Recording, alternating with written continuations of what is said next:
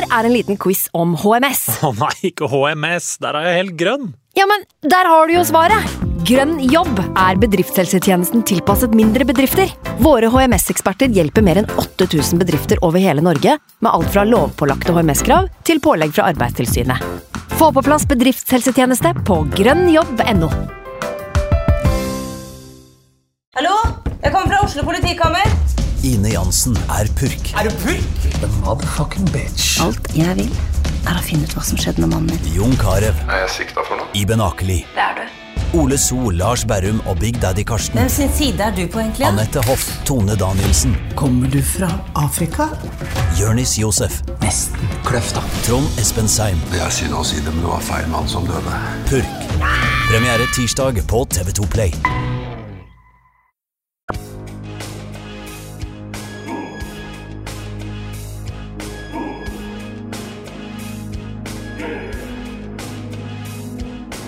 69. Den 69. Den 69.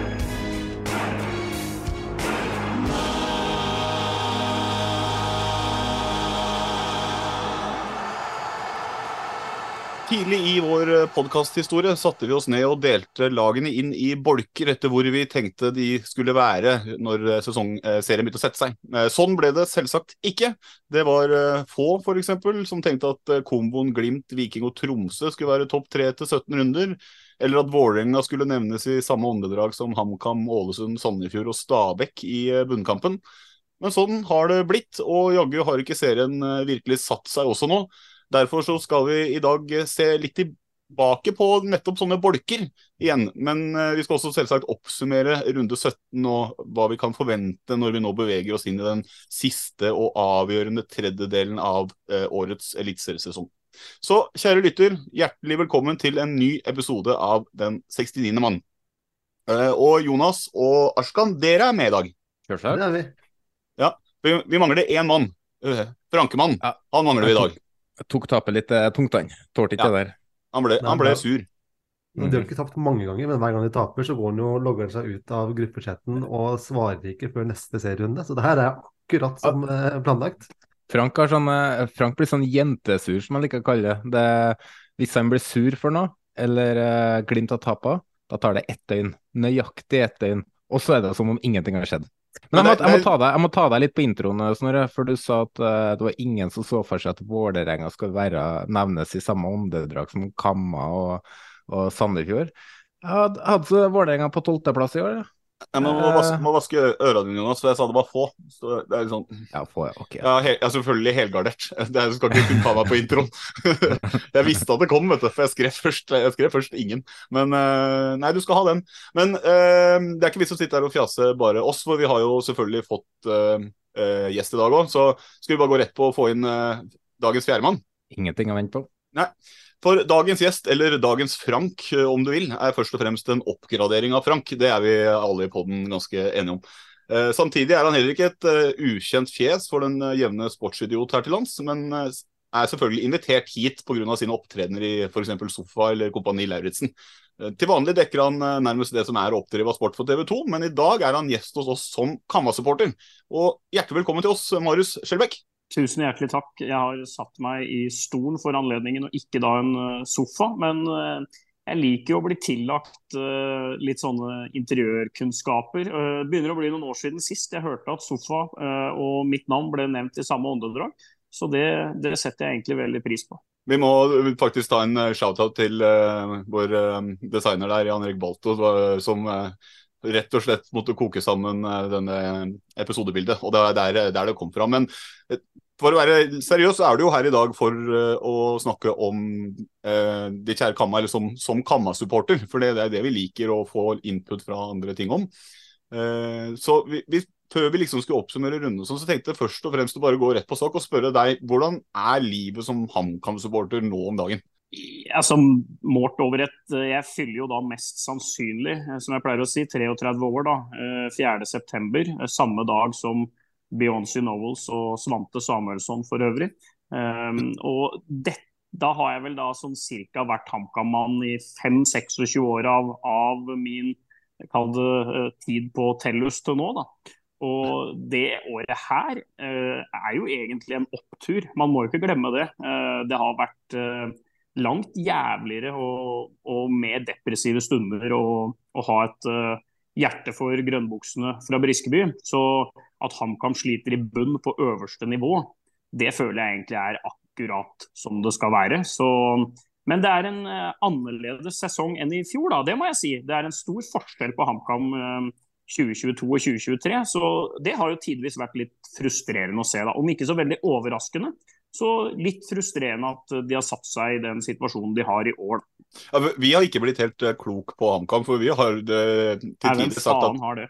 Ja, ikke sant? Men vi har til tider sagt nei, nå er det over, og så plutselig så klinker det til med både én og to og tre på rad. og uh, Plutselig er jeg helt med igjen, og per dags dato så er det jo over denne berømte streken. da. men hva tenker du når du liksom ser på laget ditt? Hva, det er kanskje ikke så lett å bli klok på, men hva er det du får ut av det laget du får servert kamp etter kamp nå? Det er jo først og fremst en kraftig svekkelse synes jeg, fra det laget som starta uh, eliteseriecomebacket i 2022. Da, da var det et, uh, et, eh, lag som i mine øyne holdt et uh, bra, uh, til dels høyt eliteserienivå. var godt skolert, trygge på hverandre og relasjoner og alle mulige sånne viktige ord som man lærer på trenerkurs i NFF av ulik bokstav.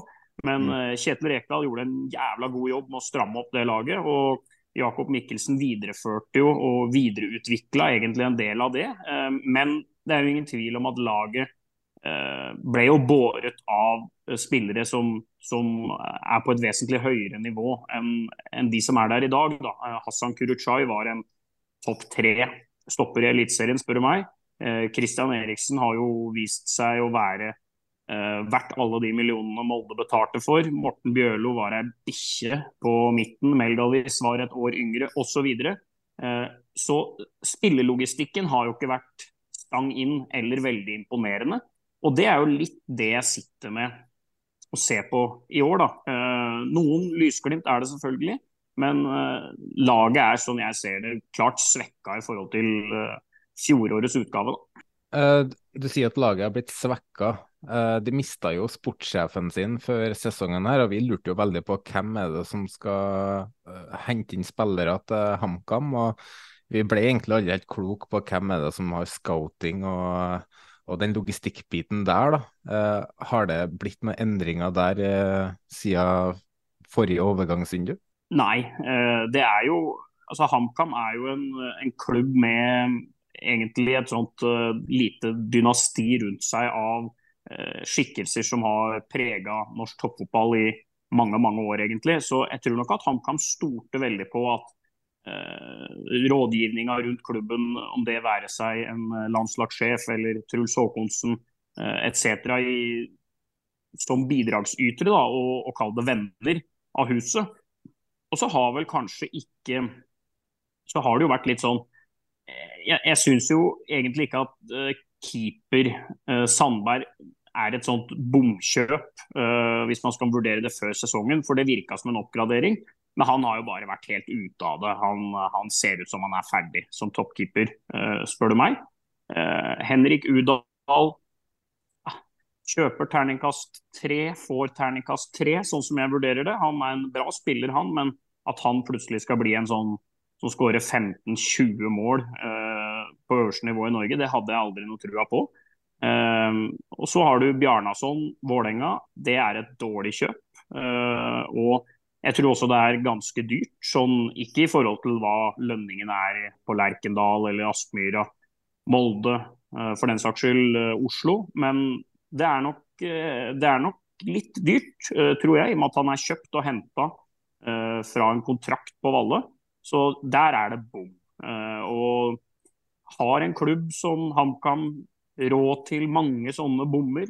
Jeg er litt usikker på det. Eh, og Derfor ligger man der man ligger. og jeg tror heller ikke det er noe sånn kjempeoverraskende for de som er rundt klubben. da, eh, Verken trenere eller spillere. Så det kan du jo si at det er en Om ikke en styrke, det vil jo bli å bruke litt feil ord. Men jeg tror mm. nok at dette er ikke en situasjon som noen er liksom sånn hjert hjertene stopper ikke på Hedmarken. Liksom. Det er ikke sånn at folk får sånn What the fuck, nå kommer uværet hans hver helg, liksom. Det, folk, at dette, folk visste at dette sannsynligvis kom til å skje. Og jeg syns faktisk klubben har håndtert det ganske bra, tross alt, da, i 2023. Men det må jo være penger å handle for nå. Eh, de solgte jo eh, en del spillere opp til Trondheim, trenere i tillegg.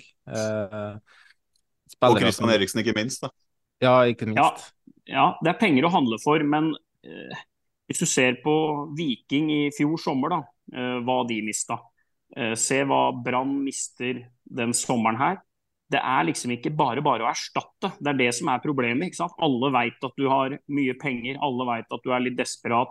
HamKam hadde ei bane som var helt jævlig eh, fram til eh, sommeren så kan man jo si, hvis man skal ta på seg de der kyniske Hana-brillene, at uh, faen at vi bytta den der matta. Og det så, ja. så, så, ikke sånn ut de første 23 minuttene mot Brann uh, på søndag, i hvert fall at det var noe sånn veldig god idé å, å oppgradere til ei rask og god bane. Men eh, det, det, er ikke det, det er liksom, Ja, du kan gjerne si at du skal selge Christian Eriksen for 10-12 pluss millioner, men da koster det jammen meg mer å hente en som er like god eller bedre. og der har ikke HamKam lykkes helt, da, syns jeg. De har henta mer spillere som jeg føler at å ja, han var ledig. Å ja, han var tilgjengelig. Ja, han kan vi hente.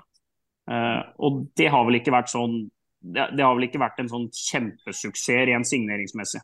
Nei, det, det, har jo gått fullstendig inflasjon i spillmarkedet, det tror jeg alle kjenner. Men da er det ekstra viktig å treffe på signeringene eller være lur, sånn som vi ser på Sandefjord. Eh, Jonas har vel snakka om å hente spillere på tredje nivå i Sverige og, og, treffer fordi de har funnet noen typer.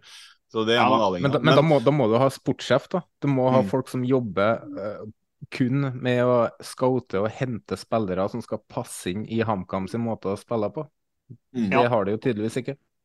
Nei, og det, det kan du jo si at uh, f.eks. en spiller som Kurtovic, da, som, uh, som, i mange år er en proven decent uh, midtbanespiller i Eliteserien, uh, har bra ferdigheter, god pasningsspiller, men å spille i et lag som HamKam, den stilen der uke inn, uke ut, det er jo, det er jo ikke akkurat helt, helt, hjemmebane for han. da. Uh, og eh, det er vel litt sånn som det, det fort kan bli. da. Uh, og så er jeg helt enig i det.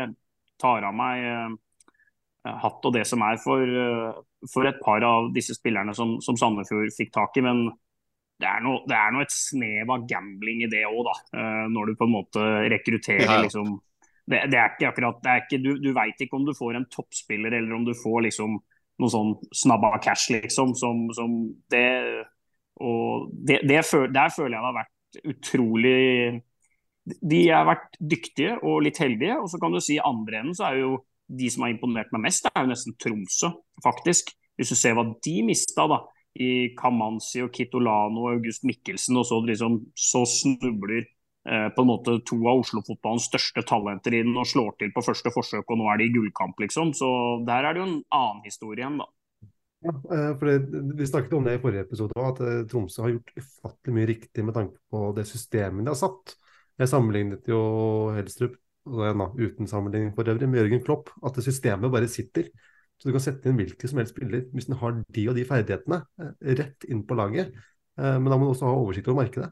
Da er vi inne på, eh, på scouting igjen. da. For mm. Tromsø har jo ansatt uh, bl.a. Jo Nymo Matland for å scoute på akkurat det nivået hvor Tromsø har henta spillere fra uh, nede i østlandsområdet. Så uh, uten, uten, den ansettelsen så hadde ikke Paintsil og, og guttene der spilt for Tromsø i dag. Jeg er litt sjokka over at, jeg, jeg er litt sjokka over at fokuset sånn som, det, eh, sånn som markedet er nå. da. Én ting er i Norge, eh, men legg også da til uh, utlandet, som er veldig digert, som vi sier, på, på Hamar. Og det er nå da sånn at markedssjefer og sponsorinntekter og det ene med det andre, det har mye fokus. Eh, mange snakker om det og det og det, men du skal selge jævlig mye sesongkort og kvadratcentimeter på den drakta for å være i nærheten av å dra inn de summene som Stabæk gjør på Urban eller Lillestrøm gjør på Ako Adams, og for den saks skyld HamKam gjør på Christian Eriksen. Det er jo der de store pengene ligger. Det er det som er nøkkelen mm. til norske klubber, det er spillelogistikk. Det er, det er eneste gangbare måten å drive på. Og det er noen rett og slett flinkere enn andre på. Og HamKam er oppe for andre året på rad. Altså det er eh, første gang siden 05 og 06 at man har vært oppe på øverste nivå to år på rad. Så Hvis de overlever nå, så ser jeg på det som det helt naturlige steget for HamKam å, å bli bedre på. Investere, som dere er inne på, i scouting, speiding og, og, og en sportssjef. Ja, Kan vi fortsette der, da? For, eh, ja, tror du HamKam kan klare seg? Eller hva trenger de noen forsterkninger i vinduet, eller har du noen tanker der? Ja, altså Jeg syns jo det er, jo det er uh, jævla vanskelig, rett og slett. Jeg ser ikke en sånn åpenbar grunn til at HamKam verken skal klare seg eller rykke ned, hvis dere skjønner hvor jeg vil. Uh, mm. Men de har fire kamper nå, da, uh, hvor de da har Ålesund borte, Rosenborg hjemme, Stabæk borte og så Bodø-Glimt hjemme på det kunstgresset der. Fy faen, det kommer til å bli som en sånn Åsted Norge-episode, vet du. Å se hvis, hvis Kjetil Knutsen får fart på dette maskineriet der på den nye banen. Men, men, dere skjønner jo hvor jeg vil. Eh, at eh, det er jo to I hvert fall den Ålesund-kampen og den Stabæk-kampen er jo sånn ekstremt definerende for hvordan den høsten her kan bli. da. Jeg må også, hadde lyst til å spørre om, fordi du, eh, du Jeg hører jo at du er engasjert rundt Kamma, men når du sitter og dekker norsk fotball på jobb, Hvordan er det da? Må du liksom tøyle deg skikkelig for hvis Kamma slipper inn eller scorer f.eks. under fotballekstra, eller hvordan er det?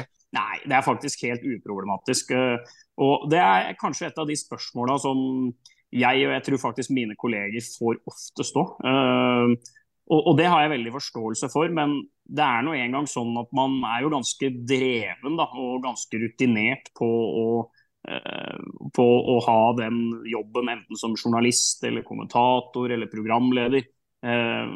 Og så har jeg på en måte valgt å være litt sånn åpen om det, egentlig. fordi at jeg syns ikke det er så jeg syns ikke det er så farlig, egentlig heller. Altså, vis meg ett fotballinteressert menneske uh, i Norge og verden for øvrig som, som, har blitt fotballinteressert uten å tilhøre en klubb. Altså uten å ha lært seg å være glad i oppturene, nedturene, spillerne, de som mislykkes, rottene som stikker av.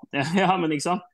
Det er jo sånn det, mm. det, det, det, er jo litt Det er jo veldig sånne elementære ting i en sånn oppvekst til å bli en fotballelsker, da. Uh, og det, det, er fader ikke lett hvis du skal være nøytral. Uh, men på jobb så er det helt uproblematisk, faktisk. Og jeg tror jeg, tror jeg i hvert fall aldri har opplevd at noen trenere fra andre klubber eller spillere eller noe sånt, for de er jo de, er jo, de, er jo de proffeste vi har. altså Der er det jo der er det jo snart motsatt. Der er det jo snart sånn at alle bare er på jobb. Og noen få få har et sånn skikkelig hjerte-elske-forhold til en klubb. Så nei, det, det, der har faktisk ikke vært noe problem, altså. Det er vel kanskje kommentatorene som eh, får mest tyn der. Alsaker får jo mye tyn for at ah, han er Liverpool-supporter, eller eh, eller eh, Brann, ja. eller for å være bergenser, og han kommer fra Florø. Ja. Uh, så det er litt sånn Men, men jeg syns òg det er helt Altså, det må vi da tåle. Det, det har uh, Jeg tror jeg alle er, egentlig delvis tar med et smil, og, og dessuten så er det så farlig, liksom. At noen OK, du dekker Premier League og du heier på United eller Leeds som barn. Det er liksom so what? Du klarer da å oppføre deg for det, tenker mm. jeg. Helt enig. Men selv om du kanskje ikke opplever det problematisk på jobb, tenker du noen ganger at du heller burde stått midt i kokosgjengen på Briskeby på supporterfeltet der, sånn for egen mental helse sin skyld, eller er det, er det like greit å bare være på jobb? Ja, jeg tror kanskje det, men uh, nei, jeg, jeg, har veldig mange venner i Briskebybanen, jeg. Og, og, og, følger jo med de og snakker med de. og og i alle, i alle, fall, Det er jo det som er veldig fint med Twitter, da, eller X, som eh, Elon Musk nå har bestemt at det skal hete. Det er jo at man hele tida er i kontakt med supportermiljøet og sånn. og Det føler jeg er et veldig sånn nyttig verktøy å, å, følge litt med på. Men jeg tror nok at siste kampen jeg sto, i hvert fall i Briskebybanden, da tror jeg nesten at vi må tilbake til første serierunde, eller andre serierunde 2007, da, da HamKam slo Kongsvinger på Gjemselund 1-0. Truls Jevne Hagen skåra, Ivar Rønningen fikk ti på børsen. Da har du jo kanskje et eh, innslag i en eller annen sånn eh, B-lag-episode at du, du, skal gå ultra og går uh, inn på Briskebyrvann og skal tilbake til røttene. ja, for å si sånn, det, det, er flere i det B-laget jeg heller ville ha sett i en sånn rolle. Ok. Men uh, det har jo vært Jesper, bare... Jesper Mathisen i VAR-aksjonen. Ja, ja, ja, De første stille de første 15 minuttene der, da. Mm. Men, men da, da, da, den som får Jesper til å være stille i 15 minutter, får Nobels fredspris. vi, vi, skal faktisk uh, Selvfølgelig, vi kommer ikke utenom litt var snart, men jeg må bare spørre om én ting. For det har blitt én ting som har blitt snakka om mye bortsett fra HamKam i år, er fasilitetene på Briskeby. Det har vært underkjente tribuner, og nå sist så har det vært Brann-supportere som har stikket på seg med pigger, og det har vært bygging og uh, sånne ting. Uh, jeg må bare spørre, først og fremst, Hva syns du om den nye tribuna, det opplegget vi har fått servert eh, på Briskeby der i år? Jeg likte jo den gamle sittetribuna veldig bra. da. Jeg syns jo det var noe helt sånn unikt, ujålete, sjarmerende eh, og uproft og litt sånn eh, minner fra fordums tid og en stormannsgalskap som på en måte kom skyldende innover Fotball-Norge. At den stadion aldri ble ferdig.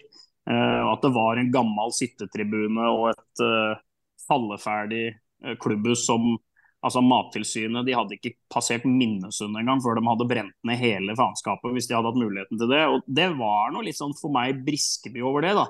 Um, men det er nå engang sånn at det er andre instanser som eier banen. Uh, HamKam har nok fått bra med hjelp av Hamar kommune opp igjennom. De ville ha det annerledes. De som eide tomta ville ha det annerledes, kjøpte den altså, så det er, det er, så mange sånne ting, da. Um, og så, så syns jeg jo det har blitt sånn passe stygt, hvis jeg skal være helt ærlig. Uh, de første serierundene så så, det, så så det ut som en sånn Hva var det jeg sa i Fotballekstra en gang? At det, det, så ut som vi var i Pristina eller et eller annet sånt noe. Fordi det var, det var så det var sånn typisk sånn ofte når du ser at Rosenborg spiller borte uh, sånn på sommeren nede i Øst-Europa, så er det liksom én sånn side av stadion som det ikke filmes på. Men hadde det vært motsatt, så hadde det vært fantastiske bilder. Uh, sånn, følte jeg ofte, sånn føler jeg ofte at uh, kvalik til Europaligaen kan være. Og det var litt sånn det så ut på Briskeby de første rundene, syns jeg. Det sier kanskje noe om ambisjonsnivået i klubben. De bare forbereder laget hver eneste hjemmekamp på å spille kvalik eh, borti Øst-Europa. ja, ja. Nei da, men uh, vi kommer inn på mer HamKam og alle andre lag og sånn nå. Så jeg har bare ett siste spørsmål for uh, når vi først var inne på det med VAR. Kan du nevne én ting du rekker å gjøre mens VAR har vurdert en fiktiv HamKam-skåring? Jeg husker i hvert fall hvor jeg var da VAR klarte å ikke dømme offside på det offside-målet i Stavanger. Da HamKam var strålende i første omgang, og så Eh, eh, dritings i, i, andre omgang. Eh, og, det, det, var en absurd kamp. Og den skåringa til Norheim da, den klarte vel egentlig TV-bildene å vise at var offside, men blei da, blei da mål. Og da husker jeg at jeg faktisk var og poppa popkorn hos min svigerfar akkurat da det skjedde. Men, men uh, den situasjonen har fascinert meg litt, for jeg har ikke fått svar på hva var det som skjedde. Har dere i TV 2 fått med dere noe? Var det kortslutning på uh, i VAR-bussen? Jeg veit ikke, jeg har ikke peiling. Jeg var, dette var uh, dette var vel da 31. april, så jeg husker at jeg ikke var på jobb, men jeg var på jobb dagen etter. For da var det jo da Vålerenga-Lillestrøm 1. mai. og vi kan vel trygt si at VAR fikk kjørt seg litt den kampen òg. Så det var, en, det, var en, det var, noen fine dager for VAR. Vi uh, fortsetter VAR. Vi skulle ikke bli en VAR-pod, men vi er, det er vi er definitivt blitt en VAR-pod, vi òg. Men vi går rett og slett over til det som vi liker å kalle ukas snakkis.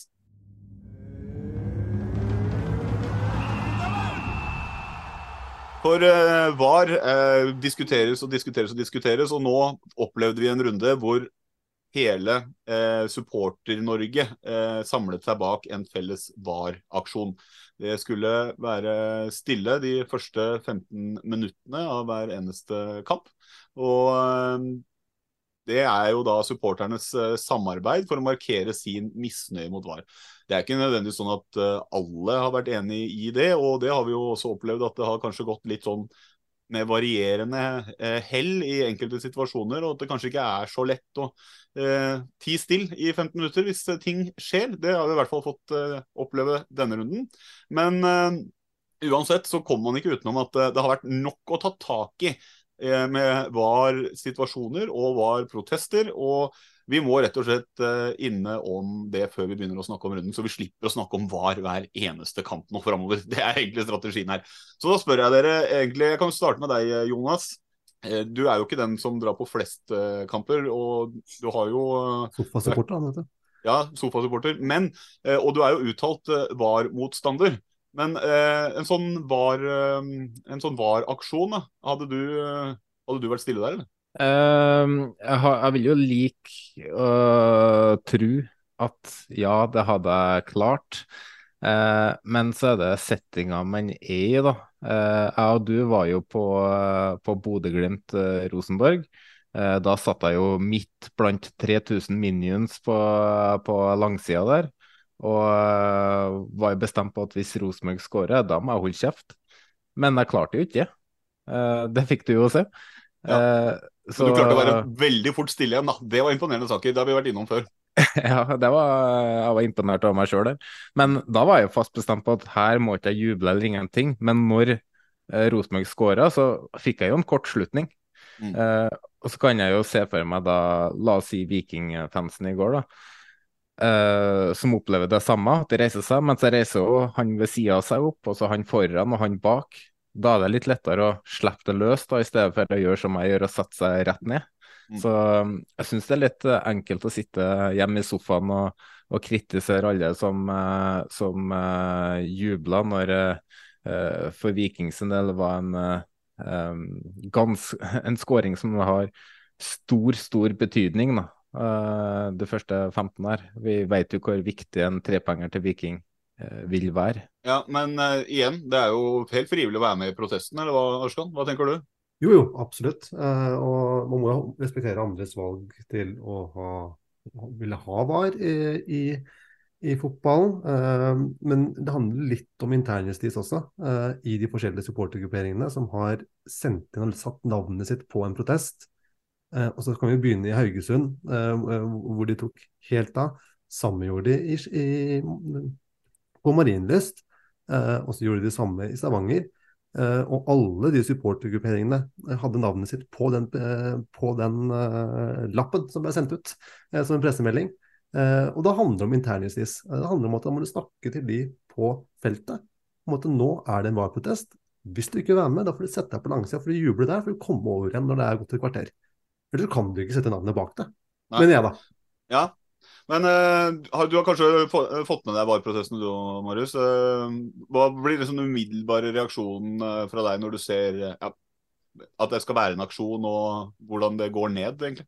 Det slår meg jo at det er en styrke for fotballdemokratiet at, at supportere kan gjøre opprør, og at supportere blir hørt. og at supportere har en viktig stemme. Det, vi trenger jo ikke gå lenger tilbake enn at supportere fikk stoppa Superligaen. Det var ingen andre som gjorde det. altså Vi kan godt komme med om uh, Nå har jeg ingen navn på det, da, men vi kan godt komme om om det var Gary Lineker, Gary Neville, Michael Richards. altså Kall det topp, topp betalte og gasjerte fotballpundits.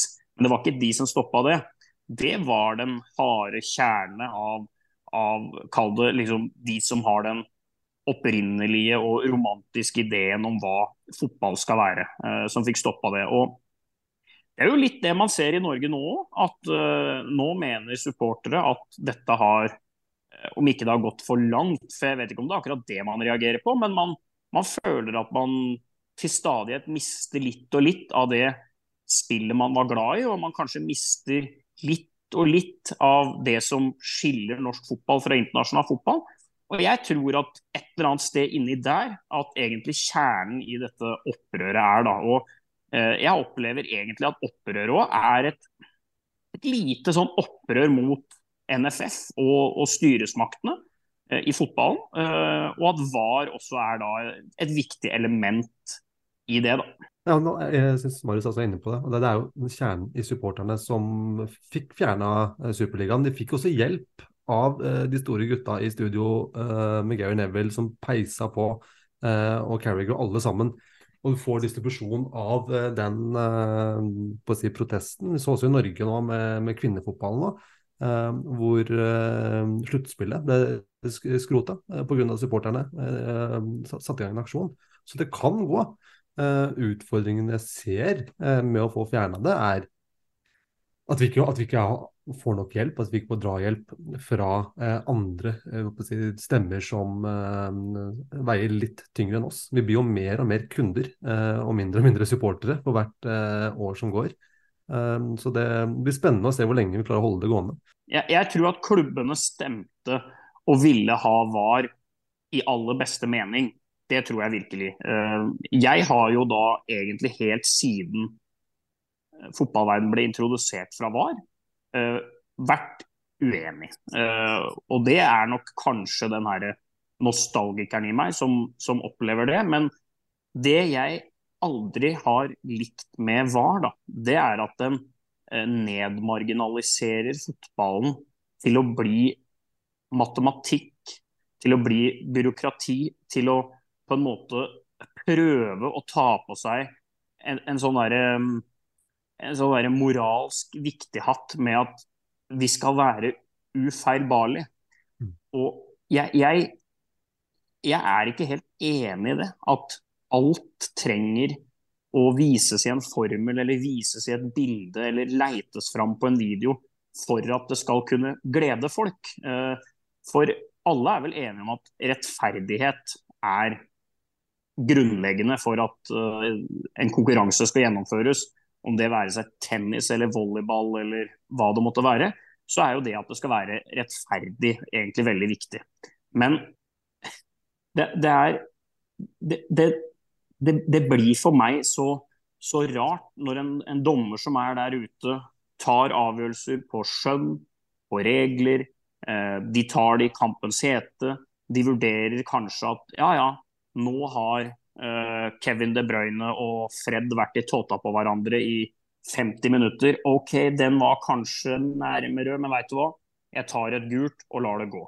Det er jo sånne ting som blir helt borte med VAR.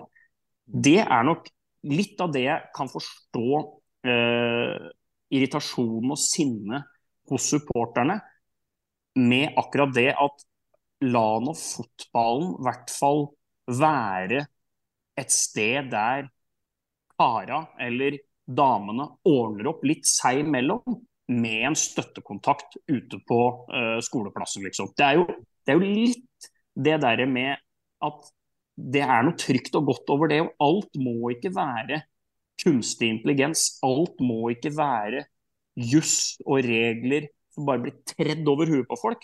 Og det er det jeg har vært det, det er hovedgrunnen til at jeg har vært mot VAR. Eh, at, og mot at VAR har tatt så jævla over. Én ting er å rette opp en ball inne-ute.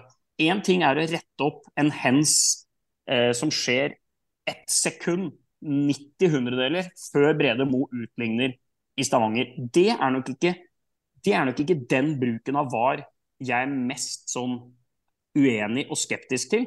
Jeg er mye mer eh, skeptisk til sånne sinnssyke henser og sånne eh, sinnssyke liksom, tolkninger av kommer han borti, oppi der, etc. Altså, hvor mange sånne situasjoner skjer ikke i løpet av 90 minutter? De mener jeg må få passere. OK, så kan vi vise det til trenere etter kamp. Så kan Martin Andresen og Nils Arne Eggen stå på sitt best barnslige og herlige og banale og underholdende og klikke på hverandre. Men vi trenger faktisk ikke vi trenger faktisk ikke at det beviset skal avgjøres i en sånn teknologisk domstol ingen andre kan forholde seg til i det 61. spilleminutt.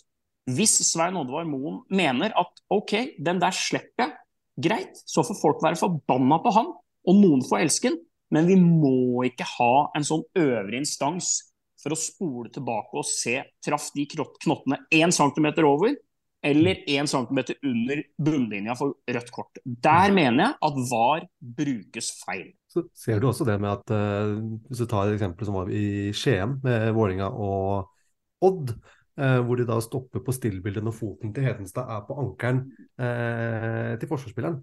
Hvis det hadde vært hendelsen, og ikke var uprovosert, selvfølgelig rødt kort og straffe. Men man ser ikke det som skjer i forkant. Hvor forsvarsspilleren gir den et dytt som gjør at kroppen roteres rundt, og så lander den uheldig på, på stopperen. Um, og siste ting jeg føler mest naturlig Snorre kommer til å dra oss videre, uh, så syns jeg vi kan sammenligne innføringen av hva i Norge med brexit i Storbritannia. Vi bare hasta gjennom et forslag sånn halvveis shabby. Uh, klubbene visste ikke helt hva de stemte på, men det skulle bli bedre, det skulle bli mer rettferdig. Alt skulle løses for klubbene.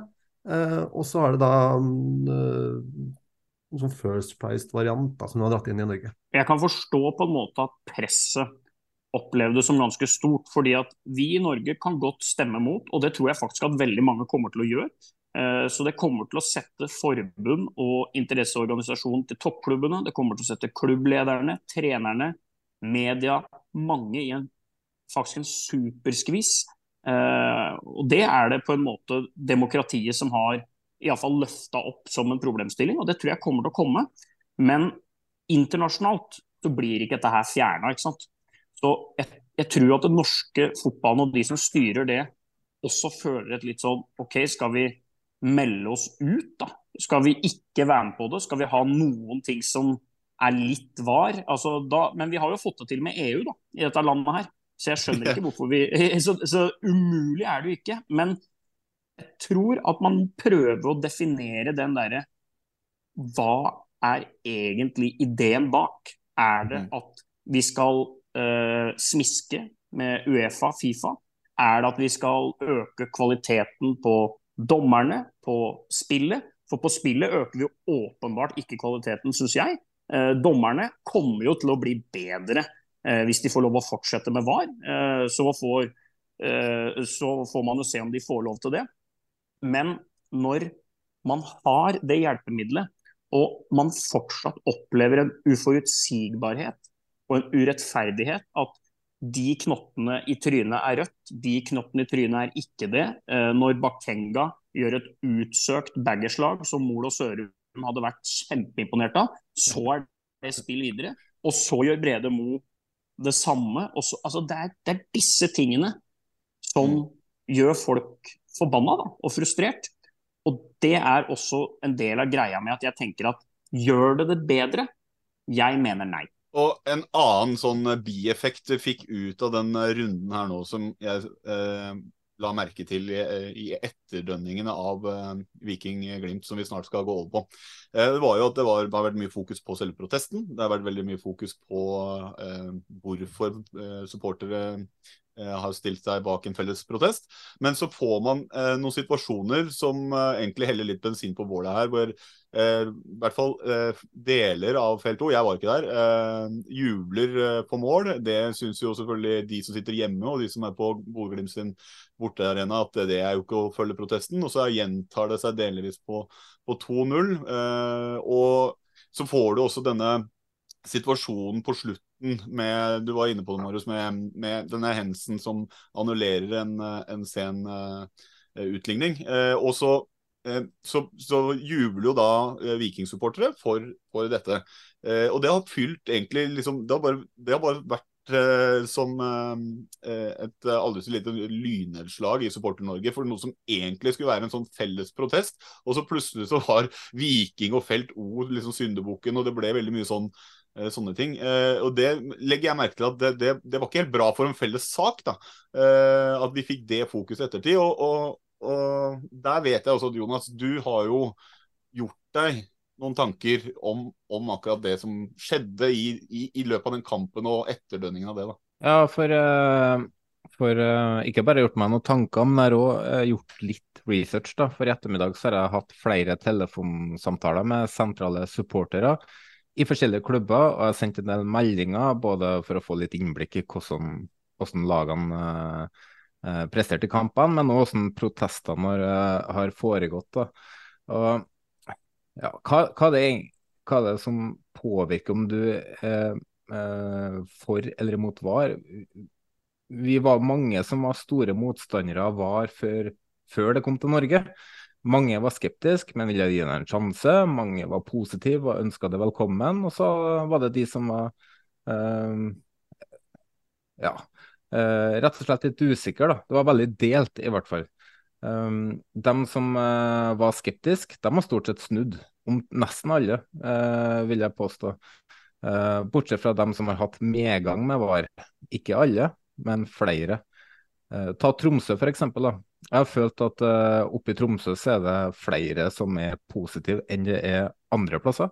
Så jeg sjekka litt rundt om det, og, og uh, snakka med Morten Killingberg bl.a. Og han har hatt kanskje det, det inntrykket, da. Ikke at det nødvendigvis gjaldt i Forsa Tromsø, men uh, rundt uh, Tromsø generelt.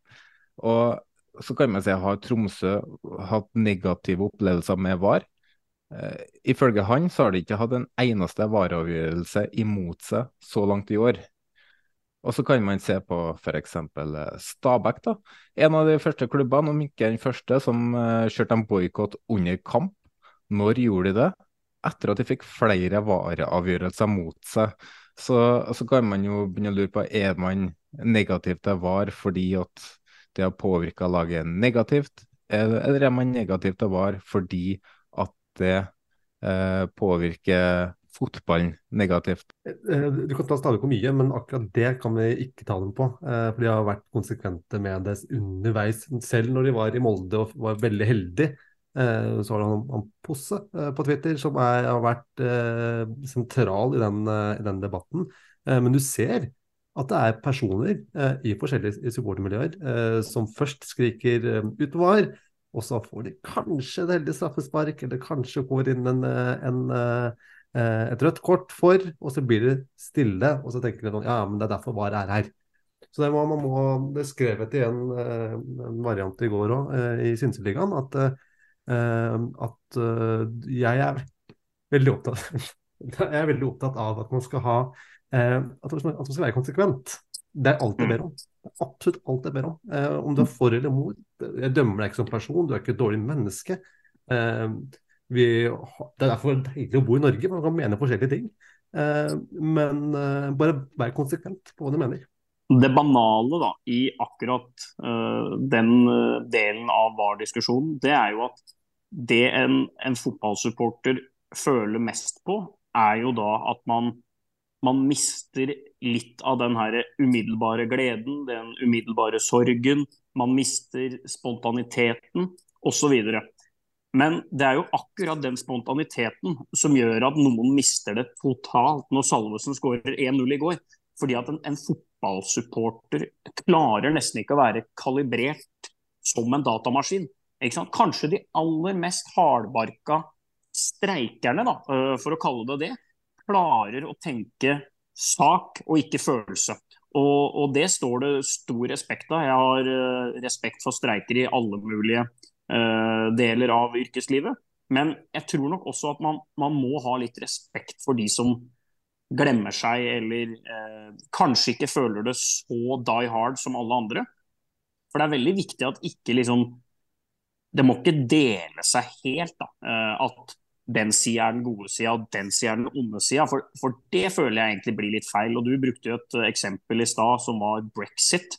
Hvis vi kommer dit, så kommer det til å minne om et annet fenomen i britisk politikk. og Det er jo da Maggie Thatcher skulle stenge gruvene eh, midt på 80-tallet. Hvor familier den dag i dag i Barnsley og Nottingham og Leeds og disse gruvelandskapene eh, eh, lenger nordover i England fortsatt er delt i to mellom de som streika og de som gikk på jobb. ikke sant? Så, så jeg, jeg, følger deg på brexit. Jeg bare håper ikke vi får en sånn Thatcher-periode her nå. At, at, det blir, at, det blir, en sånn at folk ikke skal snakke med hverandre i norsk fotball på 30 år.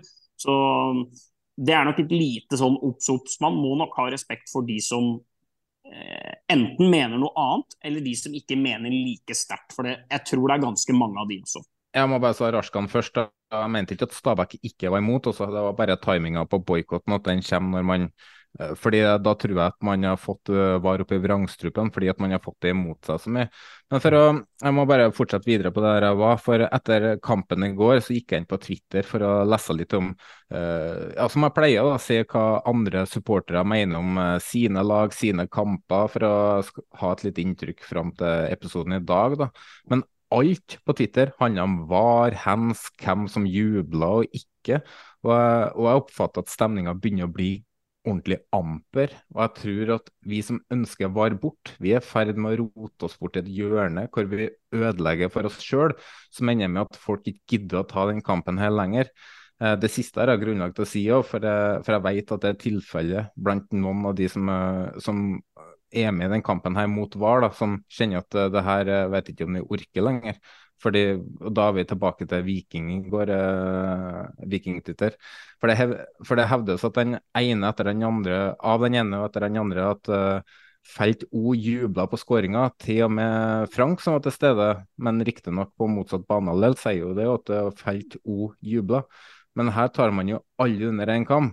For det er jo ikke sånn at alle som står i felt O er motstandere av VAR, som vi var inne på i stad. Og det må man jo respektere.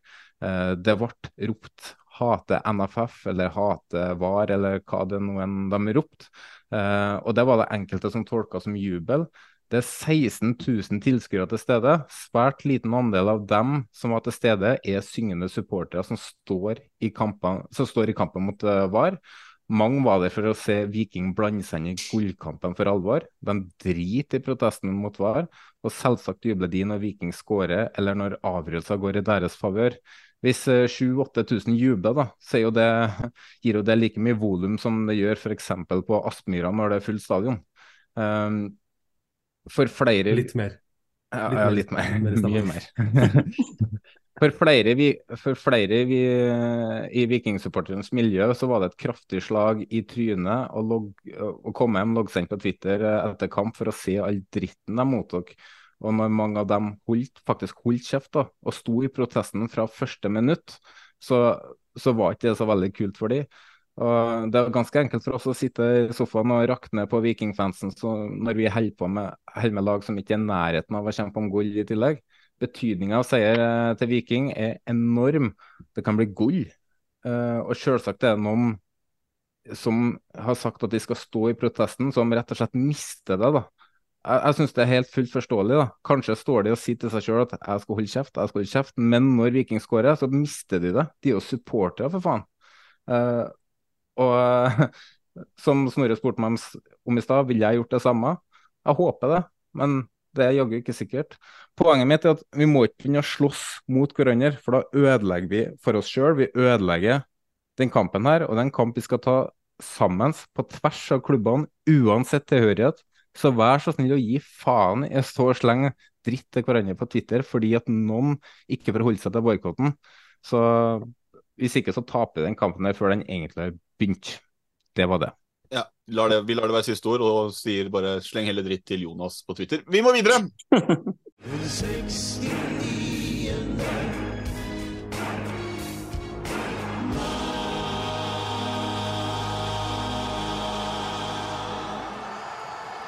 For eh, alt dette eh, var konsekvensen av eh, nettopp denne herlige fotballkampen vi fikk servert eh, på SR Bank Arena i eh, går. Eh, Seinkamp, toppkamp. Vi begynner rett og slett eh, denne oppsummeringen av runden med å måtte bare ta en titt på, på kampen nå, for det fortjener den virkelig.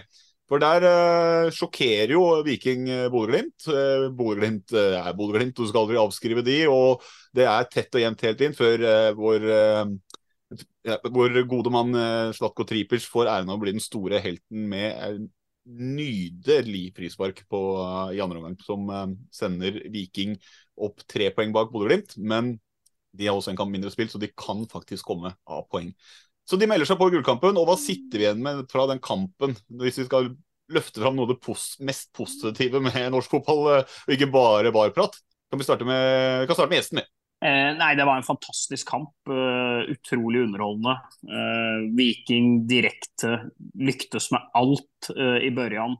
Salvesen mot gamle lagkamerater. Markus Solbakken. Da er det jo selvfølgelig ett minutts stillhet her i heimen. Det er jo noen som beskylder, beskylder oss for å være for close med, med Team Solbakken. nei, det var ikke det. Men jeg er glad i Markus, jeg. Og jeg syns det er fantastisk moro å se hvor hvor drivende god han er blitt. Eh, og klart Det som alltid vil bli holdt litt mot ham, er jo at eh, han ikke er så målfarlig. Eh, at han ikke har nok poeng. Men klart når du køler den i krysset der, og, og du veit at det sitter noen fra Pisa på tribunen, så, så ser du jo på han at han, han kommer ikke til å slite sånn nevneverdig innenfor landegrensene til Italia. Han skal nok skli godt inn, Markus Solbakken. Bodø-Glimt, Grønbekk var altså Den goalen der er jo outstanding. Det er jo en sånt Neymar, Arjen Robben, Thierry Ary-feeling på, egentlig. Uh, kreativ, dristig Nei, det var en fantastisk goal. Og jævlig dårlig mur da, av Bodø-Glimt på frisparket til Tripic. Jeg er jo enig i at det er lekkert utført, og det er pent skrudd, og det er godt satt. Men uh, ja, du trenger liksom Du trenger ikke ha spensten uh, Du trenger ikke ha spensten til Sotomayor altså, for å hoppe opp og stoppe den, så det var en dårlig mur. Uh, hvis, de så, hvis, de har så panikk for at den skal gå under muren, så, så må de jo legge folk der. Uh, så den hadde jo aldri gått inn, den, hvis muren hadde hoppa, tror jeg. da. Uh, men samme det. Det var en utrolig kamp. og Veldig moro for spenninga i, i, serien at Viking nå er der oppe. Det det syns jeg var stor. Kjartan Salvesen, Kjartan, sier jeg her nå. Kjartan Salvesen dukka opp og, med svetteringer eh, og hele pakken. Nei, det var en fin, det var en fin kamp. og to gode lag. Selv om Kjetil Knutsen antagelig ikke vil si det om sitt eget etter i går, så syns i hvert fall jeg at det var en meget underholdende og, og, stor opplevelse. Og Viking, da. Åtte på rad for første gang i Vikings historie. Dette har jo Vikingstatistikk på Twitter fulgt nøye med på å se om de kunne vippe den rekka og knuse den gamle rekorden på sju. Åtte på rad. Ashkan, kan Viking holde helt inn i gullkampen? Nei, jeg tror ikke. Jeg tror de mister uh, Brekalo. Uh, og så tror jeg de mister uh, Solbakken. Og så tror jeg de får den dippen de fikk da de mista Berisha. Er det jeg tror. og så får vi bare håpe at de klarer å fighte så lenge som mulig med Glimt.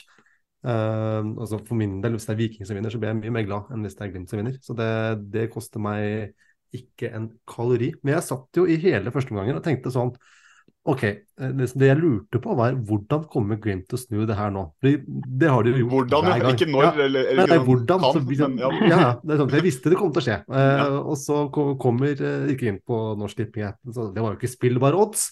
Uh, så da lot jeg den gå. Uh, men så ble det 2-2. Og så tenkte jeg ålreit, da tar de det igjen, og så vinner de serien, og så er den over. Men det var veldig gøy å høre hele SR Bank Arena eksplodere på overtid der. Jonas, jeg kan spørre deg, da, ikke om du tror, men håper du Viking er med hele veien inn? Ja. Uh, jeg skal være ærlig og si at uh, jeg hadde blitt uh, glad hvis uh, Bodø-Glimt ikke vinner ligaen. Såpass ærlig skal jeg være.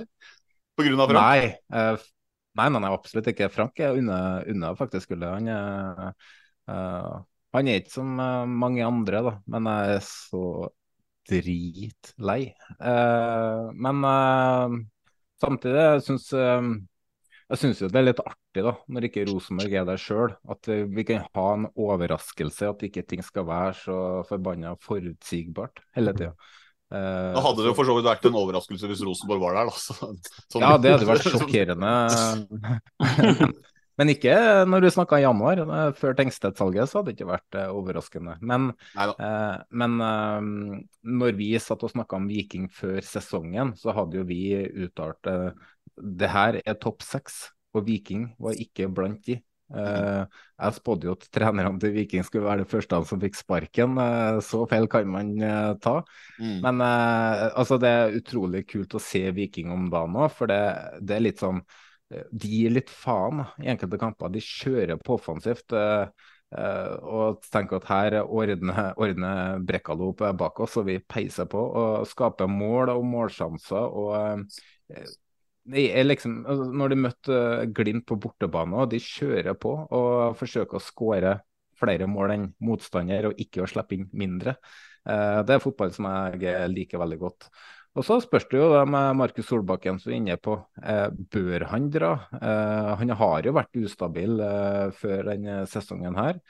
Eh, har han kanskje godt av å være i Viking et halvår til og kanskje være med og kjempe om gullet? Jeg tror at i sånne caser som det her, dra herfra nå, dra til Pisa, så, så kan han fort angre seg senere. Da. For jeg tror at hvis han blir Viking ut året her, og de fortsetter å prestere, så får han nye muligheter. Kanskje får han bedre muligheter. Se bare på Jens Petter Hauge, som eh, var det mm. Brugge som skulle hente han, og så sa han nei og sendte han opp i Milan. Så um, han vil få flere muligheter hvis han fortsetter å prestere. Så um, og så er det jo Alle skjønte jo at det kom til å bli eh, skåring til et av lagene på overtid. For eh, nå er det spilt 34 kamper i Eliteserien siden forrige gang en kamp endte uavgjort. Mm. Så det er jo en ganske vanvittig statistikk. Så, og så er Viking utrolig kul klubb når de er i medgang. Da koker det i Stavanger, og det syns jeg er kult. Og så har vi vært inne på det før. Vi har hylla Nevland og, og, de som står for uh, spillerlogistikken. Og nå har, viser jo at de har en ordentlig bredde nå, da. Eh, så er det én ting Viking ikke har muligheten til å gjøre, som Bodø-Glimt og Molde gjør. Og det er eh, når Bodø-Glimt selger en spiller, så har det allerede erstatteren i klubben. Der er ikke Viking nå. Så hvis de selger Solbakken nå, så må de på jakt. Så um, jeg, håper de, jeg, håper de, beholder de spillerne de har, sånn at de kan utfordre Glimt helt ut. Ja, jeg, jeg, har gitt Viking litt tynn siste 24 timene, men de skal fortjene også veldig mye ros for det de gjør i klubben. Uh, og da tenker jeg sånn, Hvis vi ser på det kommersielle de gjør, hvordan de har bygd et miljø for å være med og bidra for, for, byen. og Det blir nesten, nesten et miljø i Stavanger hvis du ikke er med å sponse Viking. Og Det er noe klubben har klart å skape over tid.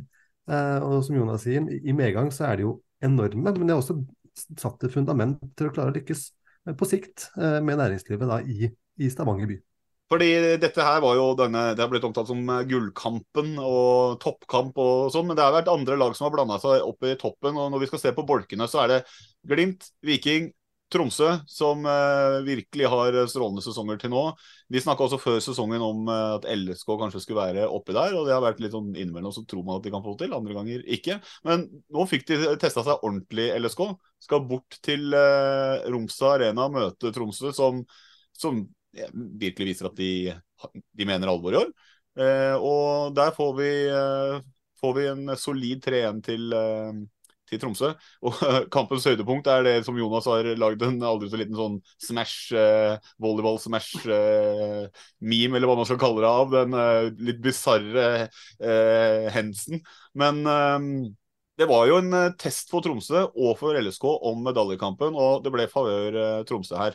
Hva, hva, tenker vi, Marius? Er det over for LSK medaljesjansene nå, eller? Ja, det tror jeg. Eh, de, de, tror jeg det blir for langt opp nå for, eh, for Lillestrøm. Det er eh, Du har liksom du, du, har sju poeng opp til Tromsø. Du har da åtte, vel, blir vel det da til Det blir vel ni da til Viking. Molde ligger midt i der, så jeg, det ser jeg på som utopi, egentlig. At, at Lillestrøm skal blande seg inn der. Og har vel egentlig Altså, jeg, jeg syns jo Lillestrøm også årets utgave er slekka egentlig ganske betydelig fra i fjor. Uh, Akor Adams har vært uh, outstanding, uh, i alle fall på overtid. og i og for seg gjennom hele sesongen og, og, og samfulle minutter. Et, et, beist som har vært i medgang, båret klubben, skåra noen helt ubegripelig viktige mål. Men det er ingen Ogbu der, det er ingen Matthew der. Det er noen meter med, med løping som borte fra den midtbanen. Knutsen ikke nå. Det har vært skader. Eh, det trenerskiftet som i og for seg sånn sett har eh, vært helt OK sånn uh, seiersmessig, men, men Lillestrøm det, det, det syns jeg nesten man så liksom konturene av uh, i og rundt den cupfinalen. At OK, det er kanskje ikke helt der oppe i år uh, som vi var i fjor. og Det er for mange lag, tror jeg, mellom mellom der til at Lillestrøm kan ta den medaljen. Og så er det jo, For Tromsøs del, hvis vi kan ta med det, altså de er jo rett bak Viking. og De er bare to poeng. og De har også denne hengekampen på Glimt, eh, så med da fem poeng bak der. Eh, de, de, har jo for alvor meldt seg på i gullkampen. Om det skal holde helt inn eller ikke, det gjenstår å se. Men eh, Arskad, hva tenker du? Kan Tromsø holde hele veien inn? Ikke nødvendigvis at det blir gull, men at de er der oppe med hele veien? Eller hva, hva tror du som, om det? Det, det, vil jeg tro. Eh, det var en ganske god karaktertest for dem i går å ligge under eh, mot Lillestrøm og se hvordan de responderte til det.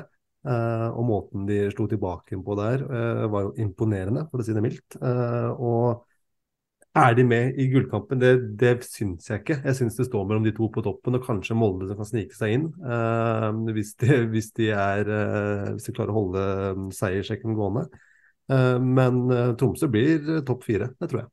Jonas, du liker jo å høre litt hva supporterne rundt omkring mener. Hva, hva har du til oss fra Tromsø-læreren denne gangen? Jeg har snakka med Morten Killingberg, da, og han eh, oppsummerer førsteomgangen som er litt tafatt fra begge lag, men en omgang der eh, Tromsø har ballen og produserer det lille som skjer.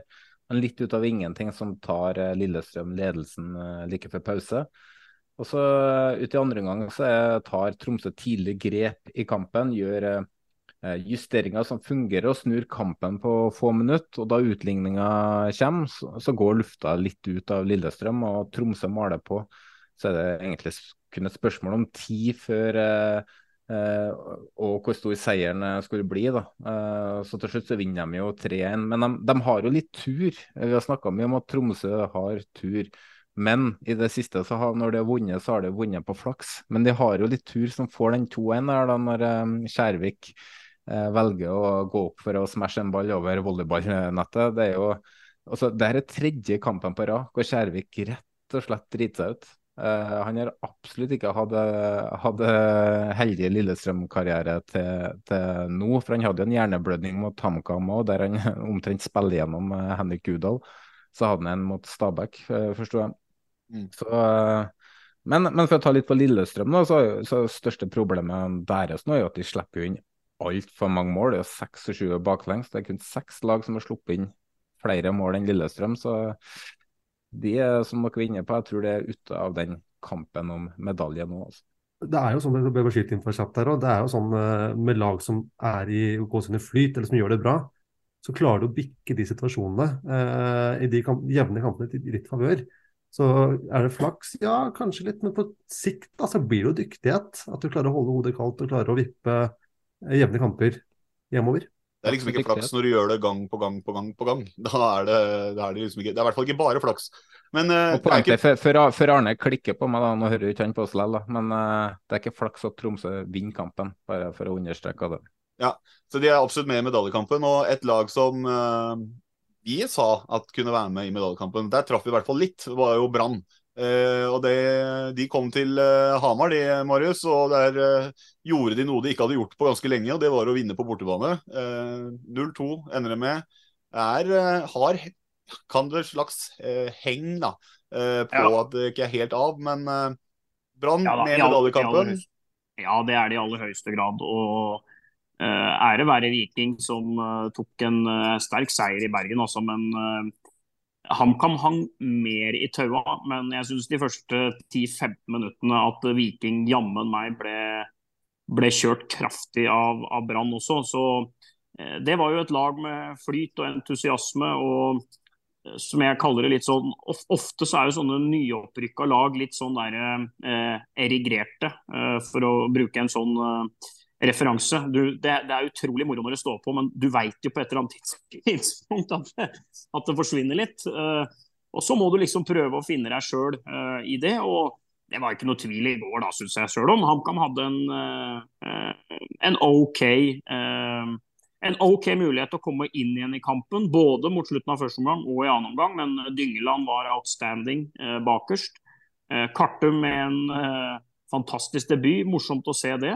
Uh, og de første 30 var årsverste, nesten, syns jeg. Altså. Fra HamKam var kanskje bare den her 16. mai-kampen på Intility som var verre. Uh, så Brann var veldig veldig gode. HamKam var veldig veldig svake lenge. Og så, så er den siste altså Annenomgangen er ikke noe sånn at Brann rundspiller HamKam totalt, syns jeg. Da har HamKam faktisk en del gode muligheter. Så men en helt fortjent borteseier, og moro at Brann er med og kjemper om medalje. Det, det trenger vi. Og så er det to uh, litt uh, spesielle, kall det finneassist, hvis man skulle ja, skal ikke jeg prate noe selv fancy, hvis man skal trekke inn disse fancy-vurderingene. at det, det, går via keeper to ganger og havner i Brannbein. Og det, det, det, vipper litt Branns vei også da, i de situasjonene ja. der. Da. Det gjør ja, det. det gjør det. Ja da, det gjør det. Og det er jo litt dessverre den uh, usikkerheten som jeg føler, uh, som føler gjelder for HamKam til enhver tid siste skanse nå. da. Uh, HamKam har jo ingen førstekeeper, og det er, et, det er et problem. Og de første 25-30 minuttene i går så er jo Sandberg iskald. ikke sant? Det er forskjell på de returene han gir. da. Den første er sånn, sånn sett mulig å tilgi. Den andre er jo direkte svak. da. Og Så slipper de på begge de, og så blir det et sånt bilde. ikke sant? Og så tar han med seg det til neste kamp. og så Kanskje er det tilbake til Gjendal. Liksom. Det, det, der er ikke helt bra. Altså. Jeg er fan av keepere som redder. Uh, og det, det, det, det, er vel kanskje ikke en veldig kontroversiell påstand. Men, nei, uh, det vil jeg ikke prøve å påstå. Nei, så, men vi får se. Det, kan bli HamKams bane. Det kan faktisk det. Altså. Så, så marginer vil det være nede i bånn der nå. Så vi får bare vi får håpe de finner ut av det. Vi skal uh, sånn nevne de litt mer når vi kommer ned til bunnbolken. fordi det er jo dessverre for deg, Marius, der de er nå. Men ja, eh, det, er vant, det, er man vant til, altså. Så det er ikke noe Det går bra. Det er der, det er der man hører hjemme si. Ja, bare man, bare man, overlever og kan være der neste år òg. Det er liksom det ja, som er det viktigste. Det er, helt, det er faen meg helt topp. Mm. Kjempesesong, dette her. Mm. Har noe å spille om, vet du. ja. Ja, altså, eh, Apropos noe å spille om for Rosenborg. Vi tippa de De hadde laget en topp tre-episode ved Gullkampen, kalte vi det, tidlig. Der var det Rosenborg, Molde og Bodø-Glimt som vi dro med. Eh, Rosenborg eh, meldte seg ganske raskt ut av Gullkampen, men eh, vi kan jo si, Jonas, at det har jo begynt å få dreisen på det målet nå, da. Mot eh, Haugesund. Så kom man tidlig under, men snur det. 2-1, og det er det var det tredje eller fjerde på rad nå? Fjerde, var det ikke det? Fjerde, fjerde Eliteserien, ja. Så det er jo dette her om at nå tok de jo litt sånn heng Fikk litt taket på det, da. Er litt med, nærmer seg. Eller hva tenker du? Ja, altså, altså, det gjør det. Og de, jo, de tar jo gradvis uh, steg her. Uh, men uh, i den kampen her så tror jeg at Rosenborg skal være veldig heldig med at det var Haugesund de spilte imot. For Haugesund så ikke bra ut i hele tatt. Og det gjorde altså, Det var ikke noen topprestasjon av Rosenborg. Men jeg hadde klink H på tippekupongen før den kampen her. Eh, jeg så for meg at eh, den, de 120 minuttene i Europa de skulle sitte eh, mye mer i, og det ble jo litt bytta på laget òg. Nypene som har vært outstanding for Rosenborg, var ikke med. Og Rosenborg har jo ikke fungert uten Ole Sæter. Så det her trodde jeg ikke skulle gå. Og det så jo ikke sånn ut fra start heller, da, når Haugesund går opp i, i 1-0. Uh, eh, med Bilal Njay som rett og slett kjørte over en veldig svak Leo Kornik på venstresida. Uh, slår presist innlegg til Diara, som hadde skaffa seg de nødvendige meterne bak en uoppmerksom uh, Pereira.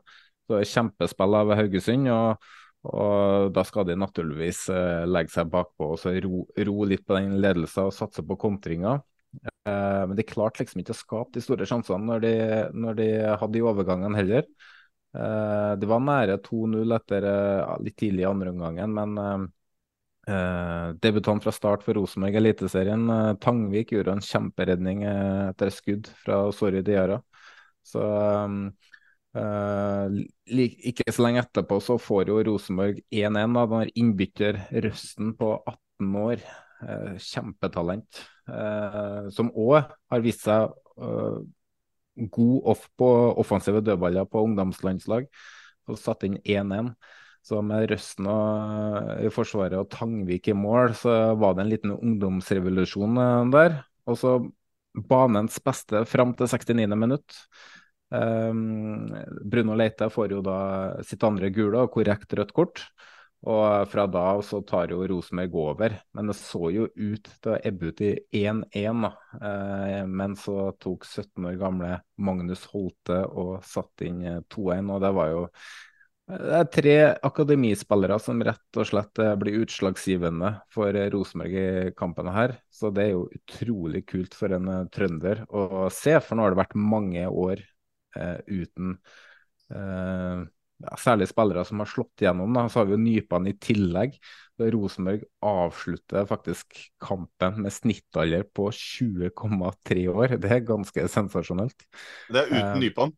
Det er uten Nypan, ja. Det Så uh, bytte ut uh, kan det bli Børkeie med, med, med Nypan der, så, så, har man jo under 20 år i snitt, tror jeg. Mm. Eh, men for å se, ta Haugesund litt, da, så de, de, kan få det um, skummelt framover nå. For nå er de på 11.-plass. Det er fire poeng foran Vålerenga, men Haugesund har én kamp mer spilt. De har solgt den Søren Race, og det så vi i kampen her.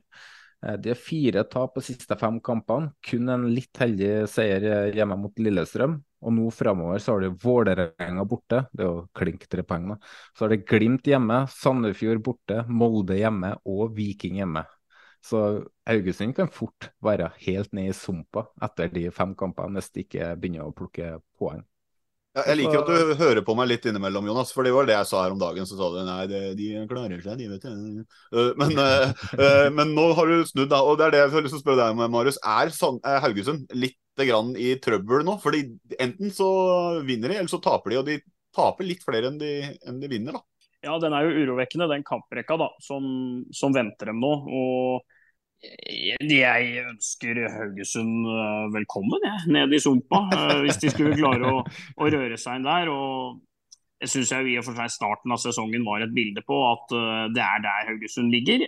Men jeg syns jo da Haugesund, kanskje i likhet med, med Sandefjord, det, det jeg syns de er bedre enn Kamma på, er at jeg syns de har spillere med mer X-faktor. da, og som gjør at de er i stand til å vinne, ikke bare på en litt sånn heldig dag. Uh, Njay, Sorry Diarra. Uh, det er tungt å måtte selge Rese, selvfølgelig. Uh, du var inne på keeper, da. Selvik.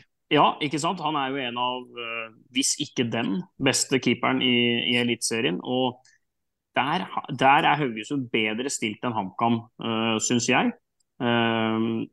men at de fort kan havne der, ja, det tror jeg faktisk de kan. Eh, så bare å komme ned.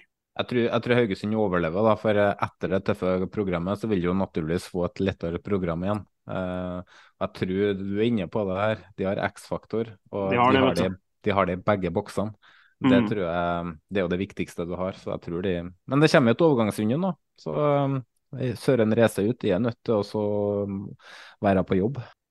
Men uh, det ble litt sånn uh, for de, deres del. Uh, de tok et steg lenger ned mot der hvor ja, tre av oss befinner oss, i hvert fall. Rosenborg klatrer litt oppover og begynner å få litt mer heng på det som skjer på øvre halvdel.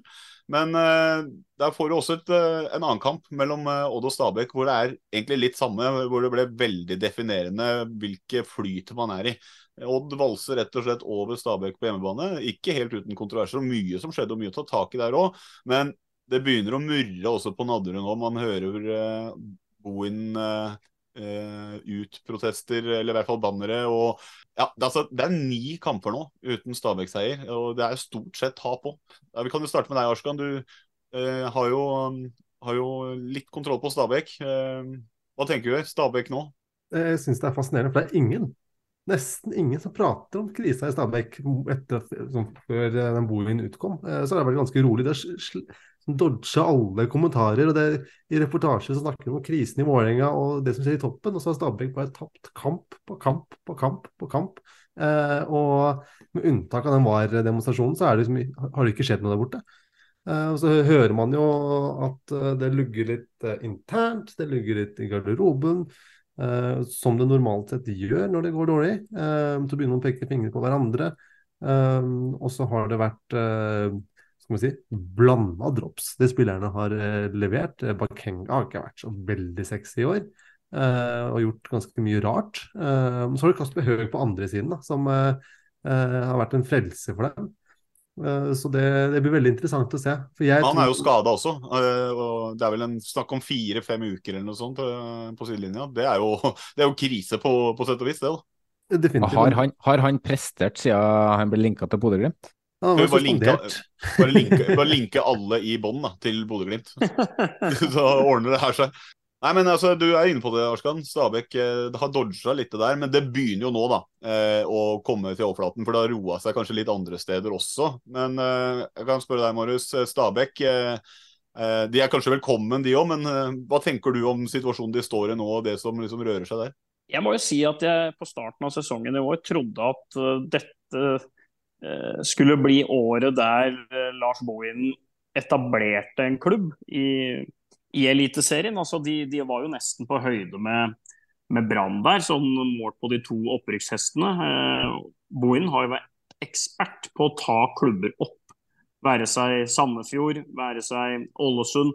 I fjor så tok han jo ikke Sarpsborg opp, men han tok dem jo mange hakk opp da, og, og berga dem. Eh, var det i fjor?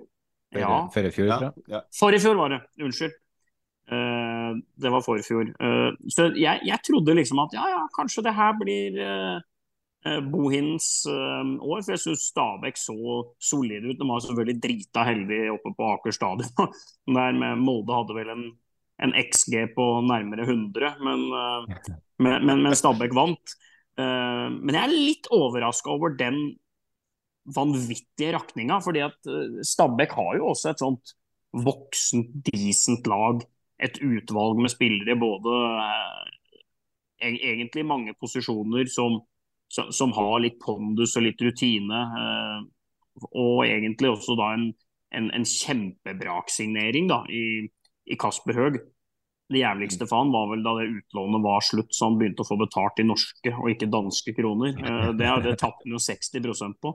Um, nei, altså Jeg er litt overraska over at det har rakna så totalt, altså det må jeg si. Og, og de kommer til å Som sagt, de har HamKam hjemme da. Uh, nå om da uh, to runder for HamKams del, blir vel det iallfall. Det blir en, det blir en sabla viktig kamp. Du var jo inne på det i stad med Kamma som bytta kunstgresset. Stabæk ja. fikk jo først et veldig, eller en strøken gressmatte, og nå kunstgress. Ikke sikkert det var en fordel heller. Nei, nei du, har nok, eh, du har nok rett i det. Og det så jo, hvis du kan ta kjapt på det også, de tok jo veldig mye av disse poengene på dette potetåkeren eh, på Nadderud som vi fikk i starten av sesongen også, hvor ja, finspillet utgår litt. Ballen må i lufta. Eh, så det er ikke sikkert at det var helt heldig at at det har vært såpass varierende. Men vi, må, vi, må, se litt på Odd òg, for det er 4-0. Det er solid. Jonas, du snakka med Tor Henrik Stensland, som har vært innom poden her, og som skriver i Det er Varden, er ikke det? Ja, det var det. Og Odd står jo nå med tre seire på siste fire. De har tatt fem seire og 15 poeng på siste åtte. De har mulighet til å plukke litt poeng på de neste kampene for de har 08, eh, Sandefjord og Haugesund hjemme. Og så har de Vålerenga og Molde borte. Det er ikke umulig at de plukker 12 poeng av 15 mulige på de kampene, selv om jeg tviler litt på det. Men det Tor Henrik sier at uh, det var en jevn åpning på kampen, hvor begge lag sliter med å få det til å sitte defensivt. Og det er heldig at Bakenga er noen centimeter på feil side. Eh, etter to store sjanser. Så sitter den første på en corner, eh, knallsterkt av Solholm Johansen. Så vinner duellen sjøl med en arm rundt halsen. Så sier han jo at eh, det tvinger jo Stabæk litt mer fram. Og Odd kontrer inn 2-0 etter en fantastisk gjennombruddspasning av Nore Ingebrigtsen. Like etter så Odd heldig igjen når Bråtvedt glipper ballen, men får frispark. Odd legger seg lavt i andre, og Stabæk skaper en nada. Et fint angrep sørger for 3-0 ved Thomas Rekdal. Uh, bror hans er for øvrig i Fram Larvik, og han skåra på lørdag. Og uh, da er jo kampen uh, helt død for, uh, før Solholm blir utvist. da. Og Så sier han jo at det er unødvendig, vil nok noen si, men på, på tampen så kontrer Odd inn 4-0 etter at keeper blir med opp på overtid. Og han håper Stabæk rykker ned med ett mål i målforskjell, for gud bedre meg, så jævla idiotisk på 3-0 med tre minutter igjen, skriver han. ja, vi kan eh, stille oss bak den der. Eh, altså, Samboeren min er ikke den som er mest opptatt av, å, av fotball, men akkurat den spurte hun bare om hvorfor gjør han det på 3-0? det var eneste hun satt igjen med. Men vi må videre, fordi noen, noen lag er definitivt i bunnstriden. Stabæk blander seg inn der nå. Eh, Sandefjord har vært der egentlig eh, hele veien. De tar eh, også imot eh, Sarpsborg, som De kunne jo ha tatt med i bolken tidligere med både de har vært oppe i medalje og de har vært oppe på midten. og eh, Nå ser det ut som at de kanskje er i ferd med å lande litt i ingenmannsland. Men eh, skal, skal, vi ta fra Sandefjord eh, Sarpsborg 08, da, når det blir 5-1 på gressmatta der. Hva, altså, det blir du bekymra, Marius, når du ser en nedrykkskonkurrent uh, ha det der i seg? Ja, det gjør jeg faktisk. Uh, det er et helt annet Sandefjord-lag. Uh, selv om de, de ligger sånn noenlunde likt plassert på tabellen som de gjorde i fjor, så er det jo et, et veldig mye bedre lag. og jeg syns også at det er eh, veldig interessant å høre på eh, Hans Erik Ødegaard. Fordi at ofte etter tap så syns jeg han eh, forklarer sånn ja, dette var vi dårlige på nå. Dette var et lite problem i garderoben nå. Det har vært litt sånn på treningsfeltet. Eh, og så er det akkurat som om ting snur da, til, eh, til neste kamp. og eh, egentlig de to de har på rappen nå, med den prestasjonen på Intility og og en sånn totalrundspilling av, av et lag som de har blitt rundspilt av tidligere i denne sesongen, her, så, så, viser jo det litt det som Haugesund og kanskje har. Da, at de har noen artister, de har en X-faktor, de har en, en spillestil som, som på, en, på, en, god dag eh, er i stand til å, å, slå ikke bare de som er dårligere enn seg, men også de som er presumptivt bedre enn seg, hvis vi tross alt må si at Vålerenga er det. da. Eh, så, så, så syns jeg faktisk at Sandefjord ser pigg ut. Jeg ser ikke bort fra at, eh, at, eh, det kan bli sånn at de kan løfte seg enda noen poeng ut av den nedrykksstriden og, og legge igjen HamKam, Ålesund og kanskje Stabæk til nød Vålerenga i, i, kamp om direkte og, og kvalik. da.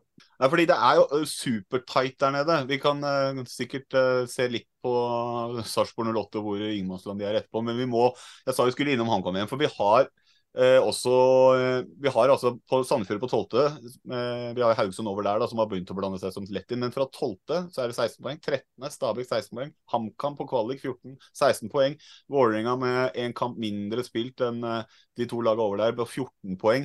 Altså Det er så tett. Det er en liten luke ned til Ålesund, men på de lagene som ligger og vaker mellom nedrykk, kvalik og rett over, eh, så skiller det ekstremt lite. og eh, da, Det får meg liksom til å får meg liksom til å tenke på hvilke lag her er det som egentlig eh, trekker det lengste strået, Arskan? Hva sitter du igjen med nå når du har fått komme så langt ut i sesongen? Hva, hva tenker du om veien videre med Sandefjord og HamKam og Vålerenga og, og sånn kjapt med den nedrykksstriden der? Jeg tror jo, altså Det er jo fascinerende med en gang Vålerenga blander seg ned. Da blir eh, Sandefjord eh, Barcelona begynner å vinne kamper. Ålesund begynt å vinne kamper. Kamma vinner tre på rad, så det er ikke måte på at alle skal begynne å vinne. Eh, men jeg tror eh, og jeg antar at Ålesund går rett ned sammen med HamKam, og så tror jeg Stabæk tar kvaliken.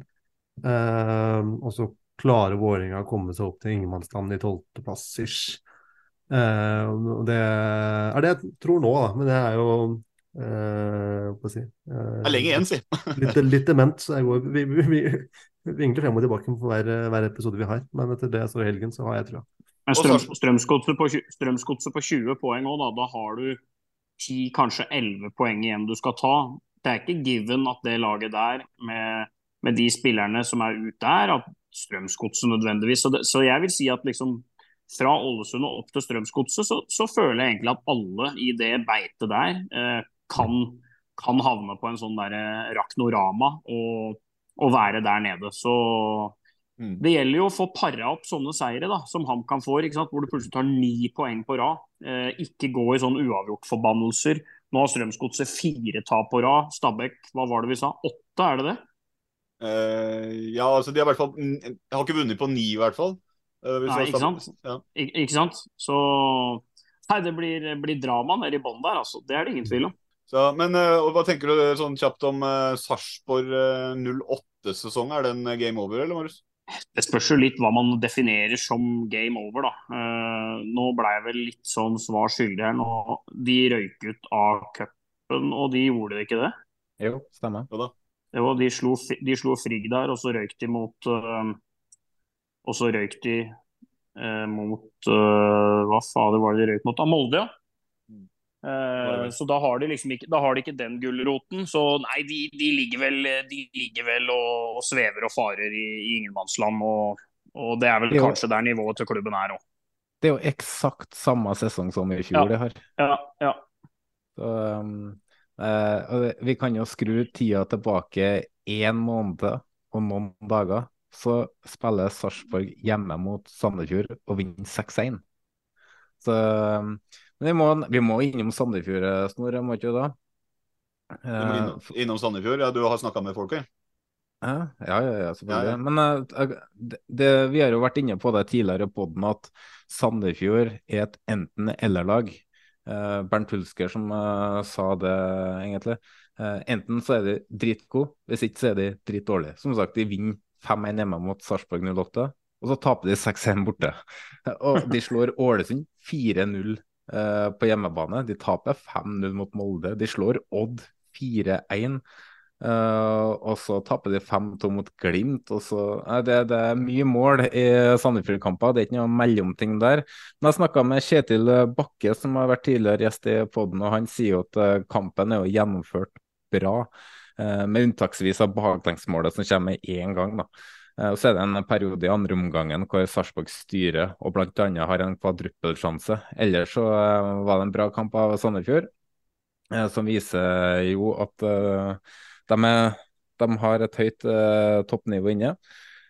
og så at de fortsetter den positive utviklinga. Og så er, det verdt å nevne, at av at de 25 målene de har skåra, så har 12 av dem kommet de siste fire kampene, og 13 på de 12 før det. Så eh, det har jo løsna offensivt for det. Og når det gjelder boikotten, så gikk den som forventa. Ingen synging, og folk var stort sett disiplinert. Eh, så snakka jeg med Mats Westberg fra um, Sarpsborg, og han skrev ja, et lag i fullstendig opplysning, sett tendensene over lenge perioder nå, så nå handler alt om å berge plassen.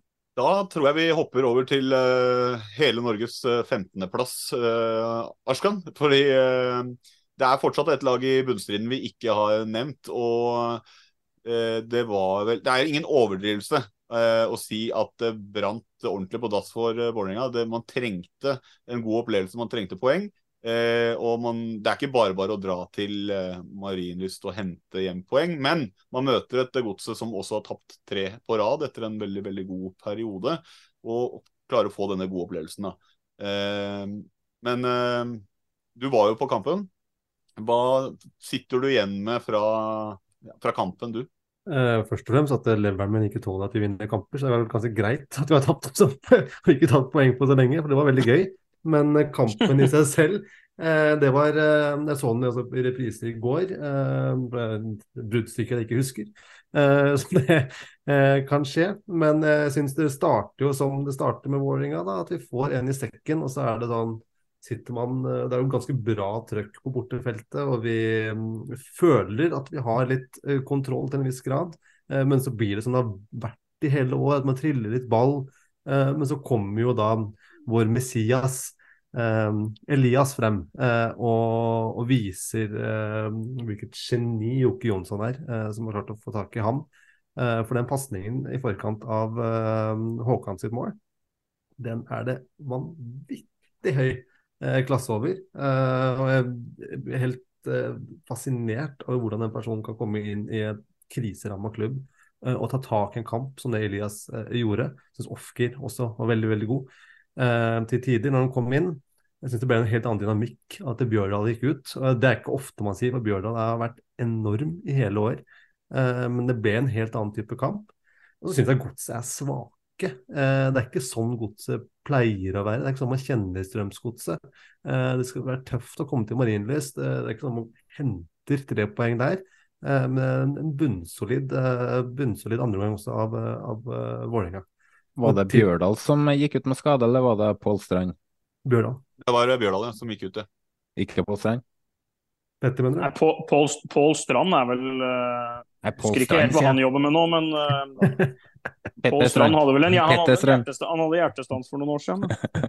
jeg sikta til det Arilas uh, som ikke så forskjell på ja, Stemmer det. Stemmer det. Åh, det gikk rett over huet på meg. Men ikke Pål Strand, ja, selv om han kanskje ligna litt mer. Ja. Nei, Superman, det, var ikke super, det var ikke Supermann fra Raufoss. Nei. Men du, Arska, du er jo inne på det. Det blir en slags annen kamp når uh, Ofkir kommer inn. Men uh, Marius, eh, Godset de hadde en veldig god periode. Eh, og det virka som at Jørgen Isnes hadde fått virkelig fart på dette her.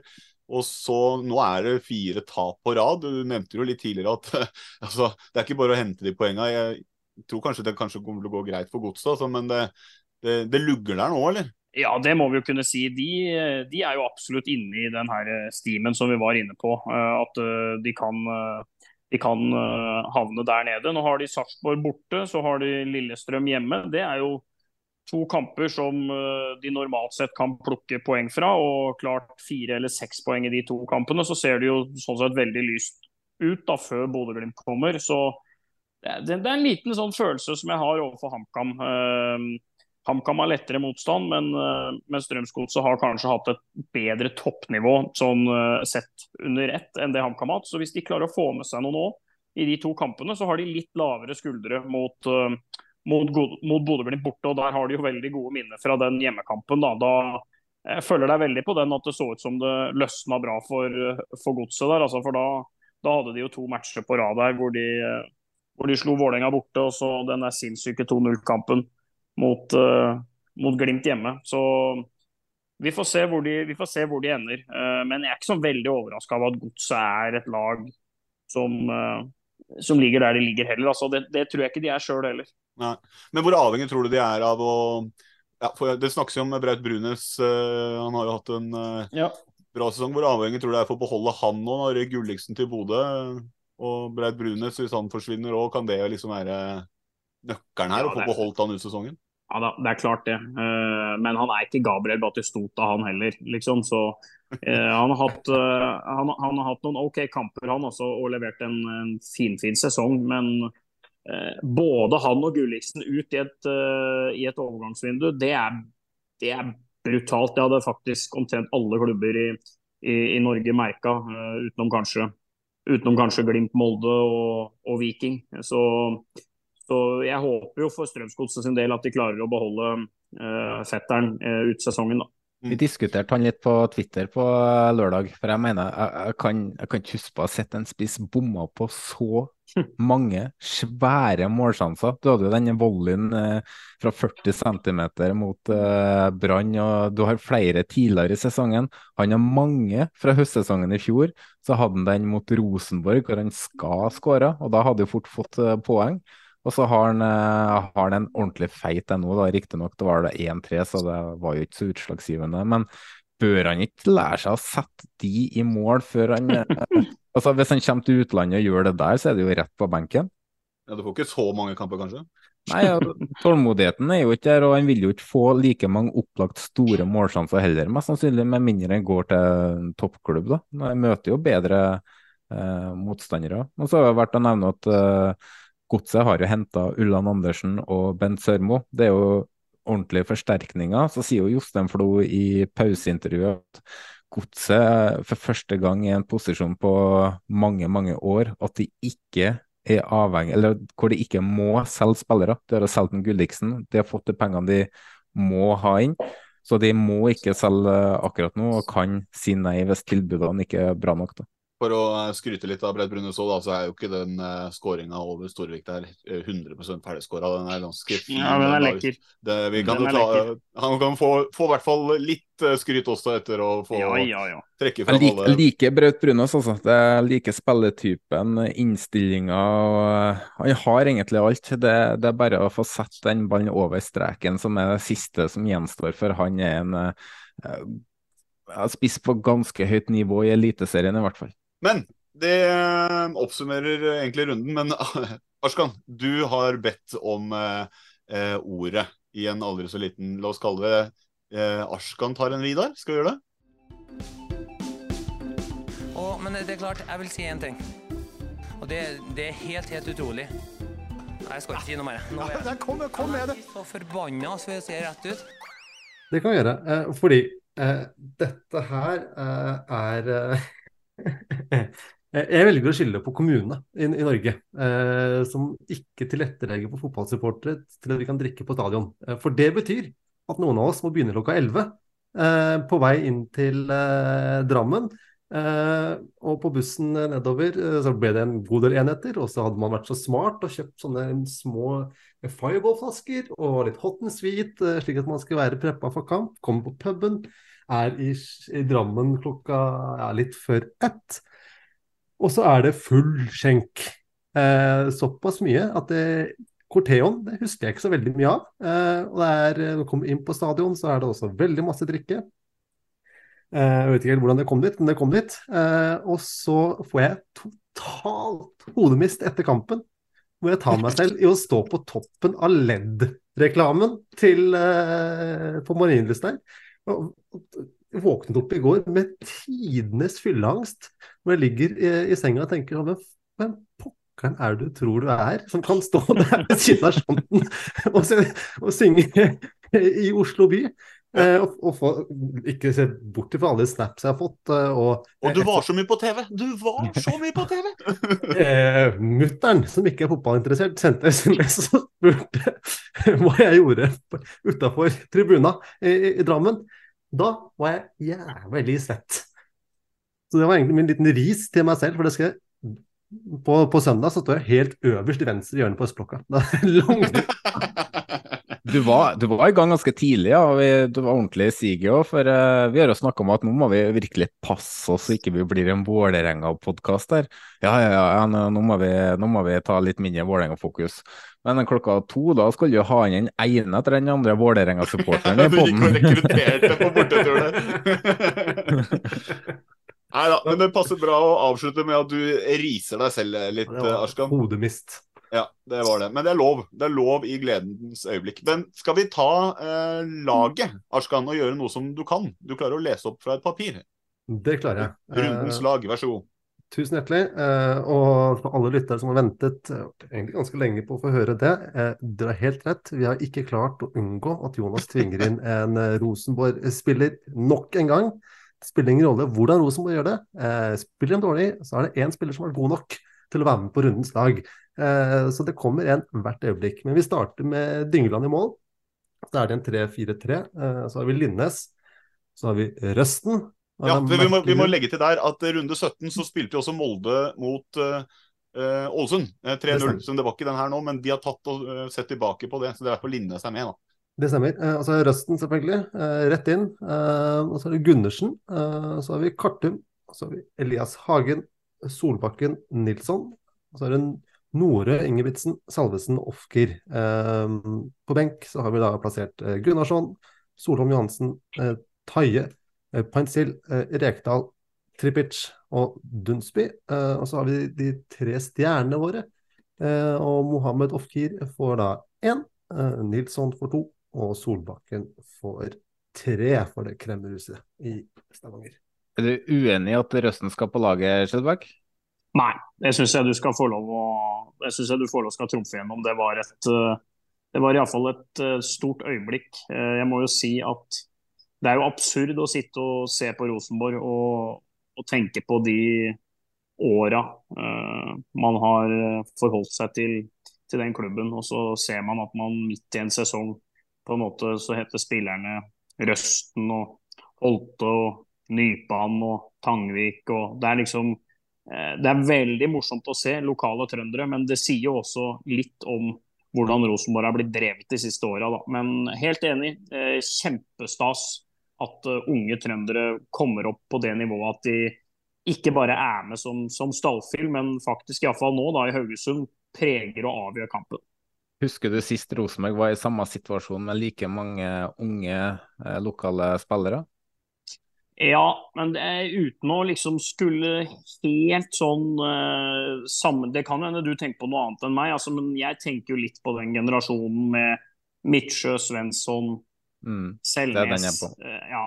uh, så vil jeg jo si at kanskje eh, de var på et litt høyere nivå da de breaka, og at klubben og laget også var på et litt annet eh, nivå. Men, eh, men det er fint å tenke parallellene og, og håpe for Rosenborg sin del at, eh, at, eh, at man kan komme dit igjen. Men de var liksom De var De var, allerede ikke, de var ikke 16 og 17 Nei, de, de... ikke. De, nei de, de hadde vært på utlån, kom tilbake, banka på landslagsdøra, var i troppene. eh, så, men jeg er enig, sånn i antall trøndere så kan det jo sammenlignes. Og, og det, er det, jo, det har dere jo mildt sagt en fetisj for der oppe, og det, det forstår jeg jo. Jeg håper Bodø-Glimt henter det for en slikk og ingenting. Vi går videre. Eh, vi eh, kjører eh, rundens pluss og minus. Har du lyst til å begynne med din pluss, Morris?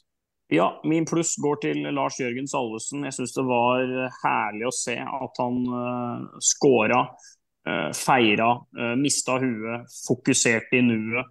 Uh, ikke tenkte noe på å være så jævla høflig mot en tidligere klubb som han mest sannsynlig ikke har all verdens av følelse for, uh, utover at han sikkert fikk seg noen gode venner og respekterer klubben. Men nå spiller han i Viking, har det kjempebra, skårer og feirer. Uh, selv om en del av supporterne hans ikke feira, så tror jeg jo at veldig mange av dem følte litt det samme som jeg sier nå. At det syns jeg var stas å se. Så plusset mitt går til Salvesen. Eh, min pluss går til Tifon til Forsa Tromsø.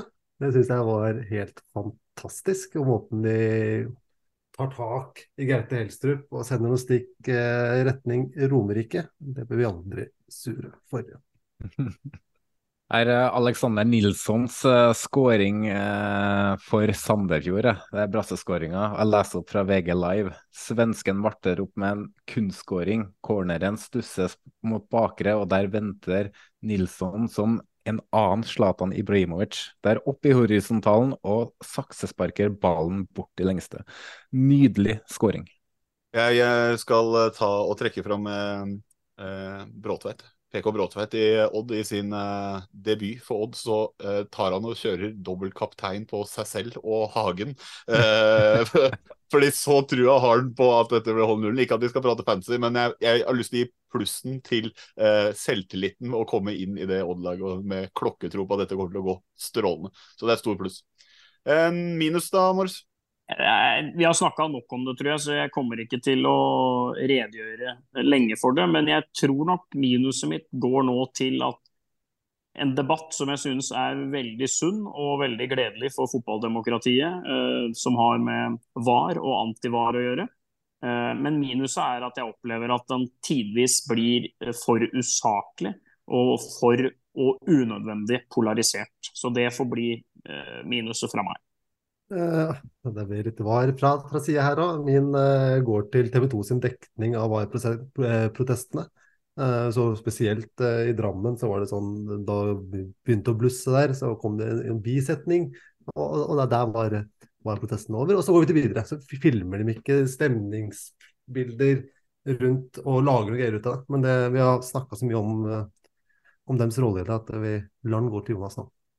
Min minus den går til Glimt-fansen eh, i etterkant av, av, kampen i går og hands-situasjonen. Um, ja, vi er mot VAR og alt det der, um, men de klager på handsen. Um, og så mener de at det, det, er umulig for dommeren å se at det er en hands. Eh, så sitter vi alle andre som holder med andre klubber og ser at det er én hands, men de ser ikke at det er hands. Brede Mo sier at jo, han toucha med handa, altså det er hands. Hver gang du toucher ball med en hand, uansett åssen, uh, så er det hands så lenge det ender opp i en scoring av han som handser. Um, og så når Brede Mo sier at uh, det er hands, så sier han ja, men dommeren kan fortsatt ikke se det på, uh, på uh, skjermen. Så da, da, det er lenge, liksom. Det er feil dømt, fordi han ser det jo ikke. Så, og det var ikke bare én som sa, det var flere. Så jeg gir min minus til de som skal rett og slett ikke takle at ja, Kanskje feira det seriegullet litt for tidlig, jeg vet ikke. Kanskje det. kanskje det. Min minus går til Det er litt på generell grunnlag, men katalysatoren her er når eh, Jatta pådrar seg gult kort for å feire foran Godsunionen. Fordi uh, han Forhistorien er at han på 2-1 smeller en ball utafor og får selvfølgelig piping og uh, latterlig altså De håner han liksom litt, da, sånn som det skal være når du brenner Kjømstøt foran hjemmefansen. Han svarer med 2-1 eh, eh, til de, men når han da scorer, og den dansen han gjør foran de, at det skal gi et gult kort når du har den kjeklinga mellom supporter og spiller, som jeg egentlig bare syns er herlig. Og jeg syns det er deilig å bli sur på en spiller som gjør det mot meg. Eh, jeg syns ikke at vi skal straffe spillere som setter litt ekstra fyr på tribunen. Så det, det går til minus. Eh, minuset går til å gi gult kort for eh, sånn kjekling, men selvfølgelig innenfor rimelighetens grenser. Det ser mye bedre ut når Jatta gjør det mot Godset-fansen enn når Ole Sæter gjør det mot Crusaders-fansen. Altså. Det gjør det. Det gjør det. Men uh, det var plusser og minuser. Uh, jeg har selvfølgelig forberedt uh, tre kjappe til dere, så da håper jeg dere slutter å tenke. Eller Jonas, du har vel aldri tenkt, så da går vi rett på deg.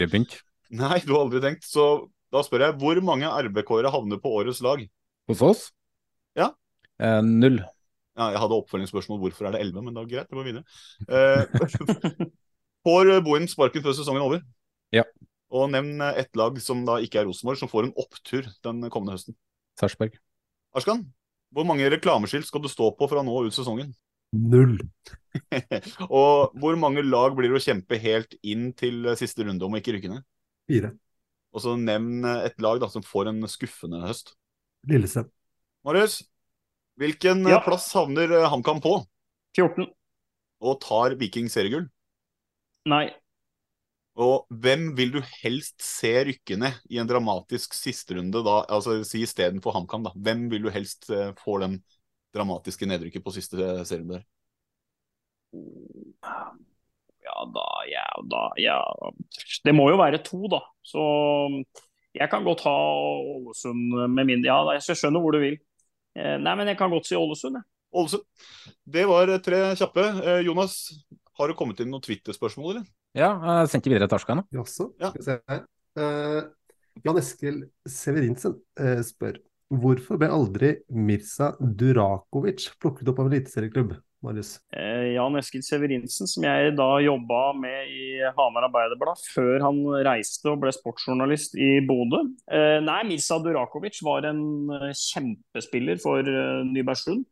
Eh, men det var på ei tid hvor norsk fotball var såpass bra. Han var en toppspiller i det som den gangen het Adeccoligaen. Eh, men jeg er usikker på om han på noe øyeblikk var sånn kjempeaktuell for en, eh, for en tur opp. Men passe målfarlig. eh, Et sånt aktivum eh, sånn, eh, litt sånn, nesten litt sånn Martin Andresen oppe i skogene i Trysil der. Men jeg tror aldri han var sånn kjempenære, altså. Det tror jeg ikke. Christian Samuelsen spør eh, sitter kanskje Marius på noen historier med magiske øyeblikk av Felix Ademola? Felix alle måla, som vi kalte den. Eh, eh, ikke noen sånne konkrete historier som, eh, som, sånn, som, som skiller seg sånn enormt ut. Men han var jo, han var jo en av de sånn, eh, virkelige artistene på Briskeby på slutten av 90-tallet og sto for en helt annen fotball, en helt annen spillestil. Han, eh, han, spilte jo, han spilte jo nærmest med latterkramper da han hadde dagen. eh, og var en attraksjon for alle, egentlig, og en helt sånn naturlig favorittspiller å ha. Og så er han en, en eh, jævla hyggelig fyr som nå jobber som vaktmester på Manglerud. Og hører på mye podkaster og ser på mye fotball, tror jeg. Både bredde og topp. Og har fått seg et kjempefint liv. Og en, eh, en kultfigur på Hamar som jeg er utrolig glad for at eh, at nyter uh, livet og fotballen i, i, Norge videre. Så går vi videre til Jørn Henland Skøyen, som lurer på hvordan er det egentlig å jobbe med Jesper og Simen?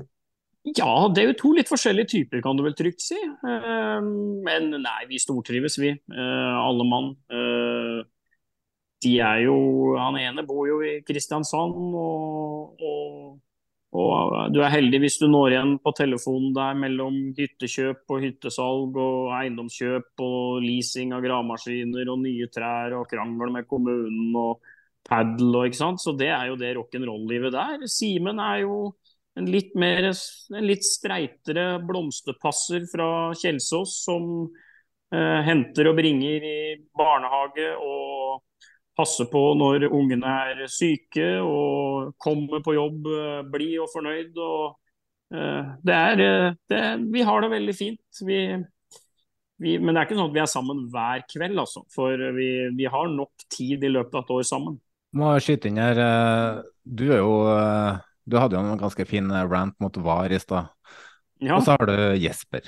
Ja. Um, hvor, hvor, mye har han irritert deg i den oh. debatten der? Oh, oh.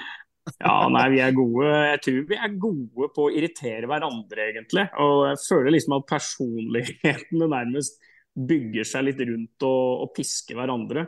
Men uh, altså, det det, det, det, er jo som jeg har sagt en gang før òg, at liksom uh, Til en mann som, som, på en måte dyrker smutthull og det gode liv på en måte som at man skal gjøre opp, om ikke liksom eh, med knyttnevene, så, så forfekter jo Jesper en ganske sånn eh, eh, pragmatisk tilnærming til livet, da.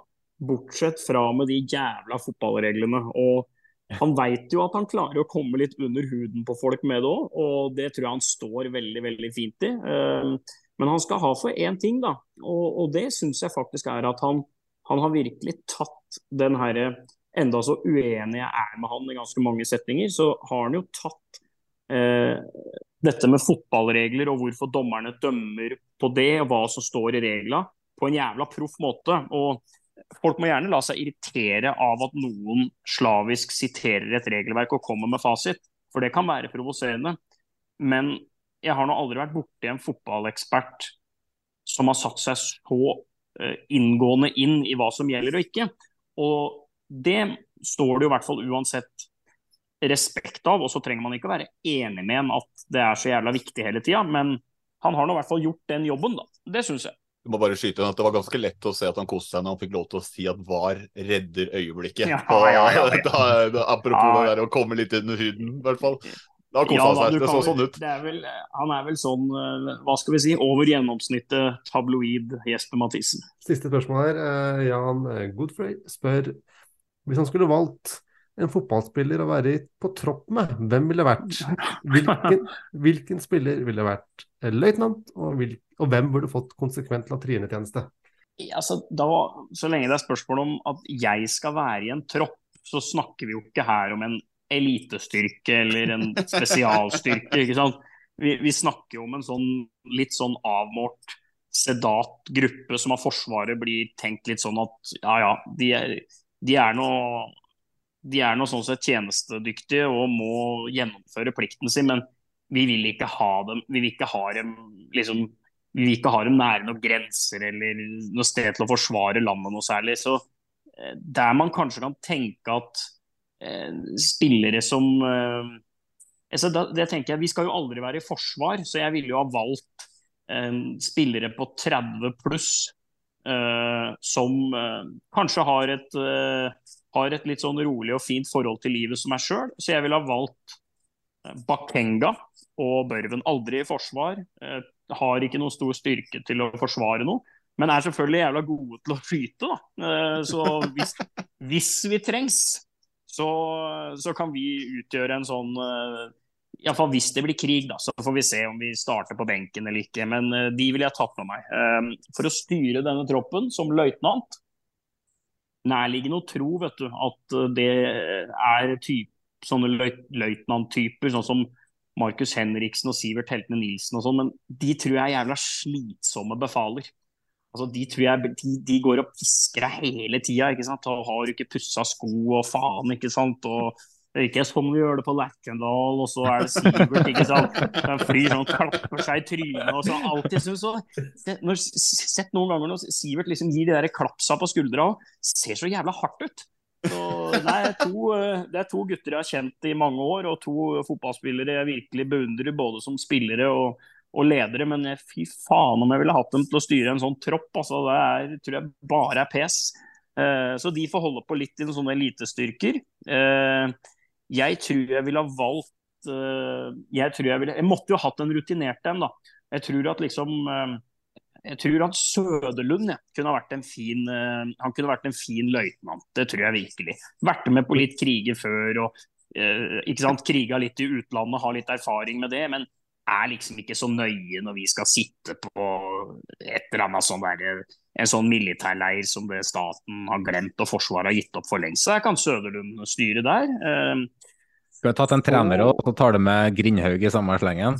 Grindhaug, kan, Grindhaug er oberst, ikke sant. Eh, eller forsvarssjef i vår lille bataljon, da. Eh, så var det da Jo, latrine, selvfølgelig.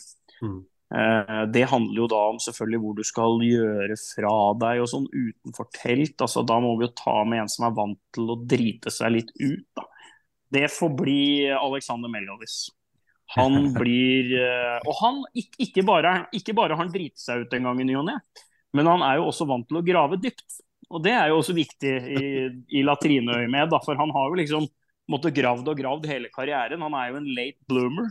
Så nei, da blir det en tropp med meg, Bakenga og Børven.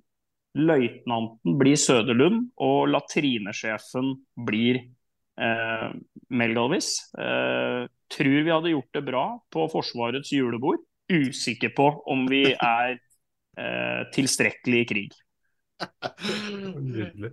Jeg tenker at uh, vi, bare, vi, bare, lar det være det siste fra rundeoppsummeringa av denne episoden her. Det var uh, nydelig spørsmål. Tusen takk til de som sendte inn, uh, selvfølgelig. Og da gjelder det også selvfølgelig å takke de som takke skal. Takk, Marius, for at du tok deg tid til å prate både eliteserie og om annet fjas ved siden av med oss i kveld. Veldig hyggelig. Tusen takk. Og så må vi selvfølgelig legge en takk til Vestfold Lydstudio og Jesper Horten Kjernes for jingler og intromusikk og sånn. Og Jan Erik Balto for design og merge. Iver Steinsvik og Intune i Bodø for utstyret. Og selvfølgelig takk til Jonas. Takk til deg, Snorre, for at du endelig er med. Egentlig så er jo du nesten som en gjest i dag, du. Ja, men Takk til deg, Arskan. Jeg orker ikke mer, Jonas. Jeg, jeg vil logge av. takk til deg. Tusen takk. Og eh, takk til Frank, som eh, innser at det var like greit å ikke bli med. For jeg tror, eh, tror, jeg tror ikke han hadde trekket opp eh, energinivået i dag. Så takk for at han eh, innså hvor han var. Men også selvfølgelig tusen takk til alle som hører på. Vi kommer eh, straks tilbake, vi, med mer stoff. Men inntil da så får du kose deg med denne episoden her og det andre som ligger ute. Så da høres vi. Ha det bra. Ha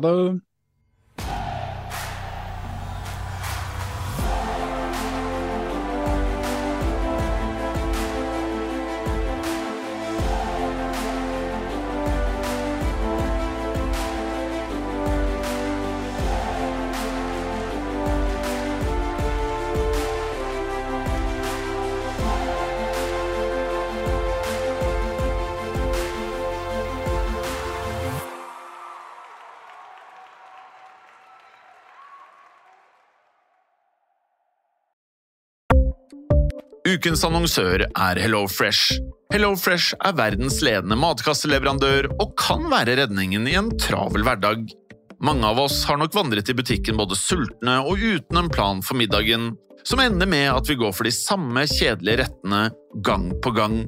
Middag burde være dagens høydepunkt. Som HelloFresh kan du nå velge mellom 25 ulike retter hver eneste uke, eller få HelloFresh til å sette sammen menyen for deg. Dette gir deg muligheten til å prøve nye og spennende retter alene eller sammen med familien. Du velger antall porsjoner og får alt levert på døren på et tidspunkt som passer for deg. Oppskriftene er enkle, og maten er lett å lage både for store og for små. Ved å få alt levert hjem får du også mer tid til å dele matgleden med familie og venner. Kanskje det frister med asiatiske tacos eller greskinspirert kylling? Da kan jeg anbefale deg om å gå inn på hellofresh.no. Her kan du bruke koden FOTBALL og få opptil 1779 kroner i rabatt på de første fem matkastene hvis du ikke har prøvd Hello Fresh tidligere. Du kan også bruke rabatten hvis du har vært kunde og stoppet abonnementet ditt for tolv måneder siden eller lengre. Gå inn på hellofresh.no og bruk koden FOTBALL. Ukens annonsør er Folio, en smartere banktjeneste for deg som har en egen bedrift eller ønsker å starte for deg selv. Folio er en superenkel nettbank for bedrifter. Som kunde i Folio får du en bedriftskonto med et bedriftskort og app. I denne appen er det smarte løsninger som forenkler regnskapet ditt, uansett om du har en liten bedrift eller et enkeltpersonsforetak. Folio er både intuitivt og brukervennlig, og er laget med et enkelt språk. I tillegg tilbyr de forutsigbare priser og ingen skjulte gebyrer. Skulle du likevel trenge det, så kan du snakke med deres raske og hyggelige kundeservice, og der får du prate med en faktisk person og ikke en chatbot. Folio er med andre ord både enklere og koseligere enn banken. Over 10 000 bedrifter har allerede valgt Folio som sin banktjeneste, så besøk folio.no og se hvordan Folio kan forenkle din hverdag også. Har du et enkeltpersonforetak eller en liten bedrift? Da er du sikkert lei av å høre meg snakke om hvor enkelt det er med kvitteringer og bilag i fiken, så vi eh, gir oss her, vi. Fordi vi liker enkelt. Fiken superenkelt regnskap.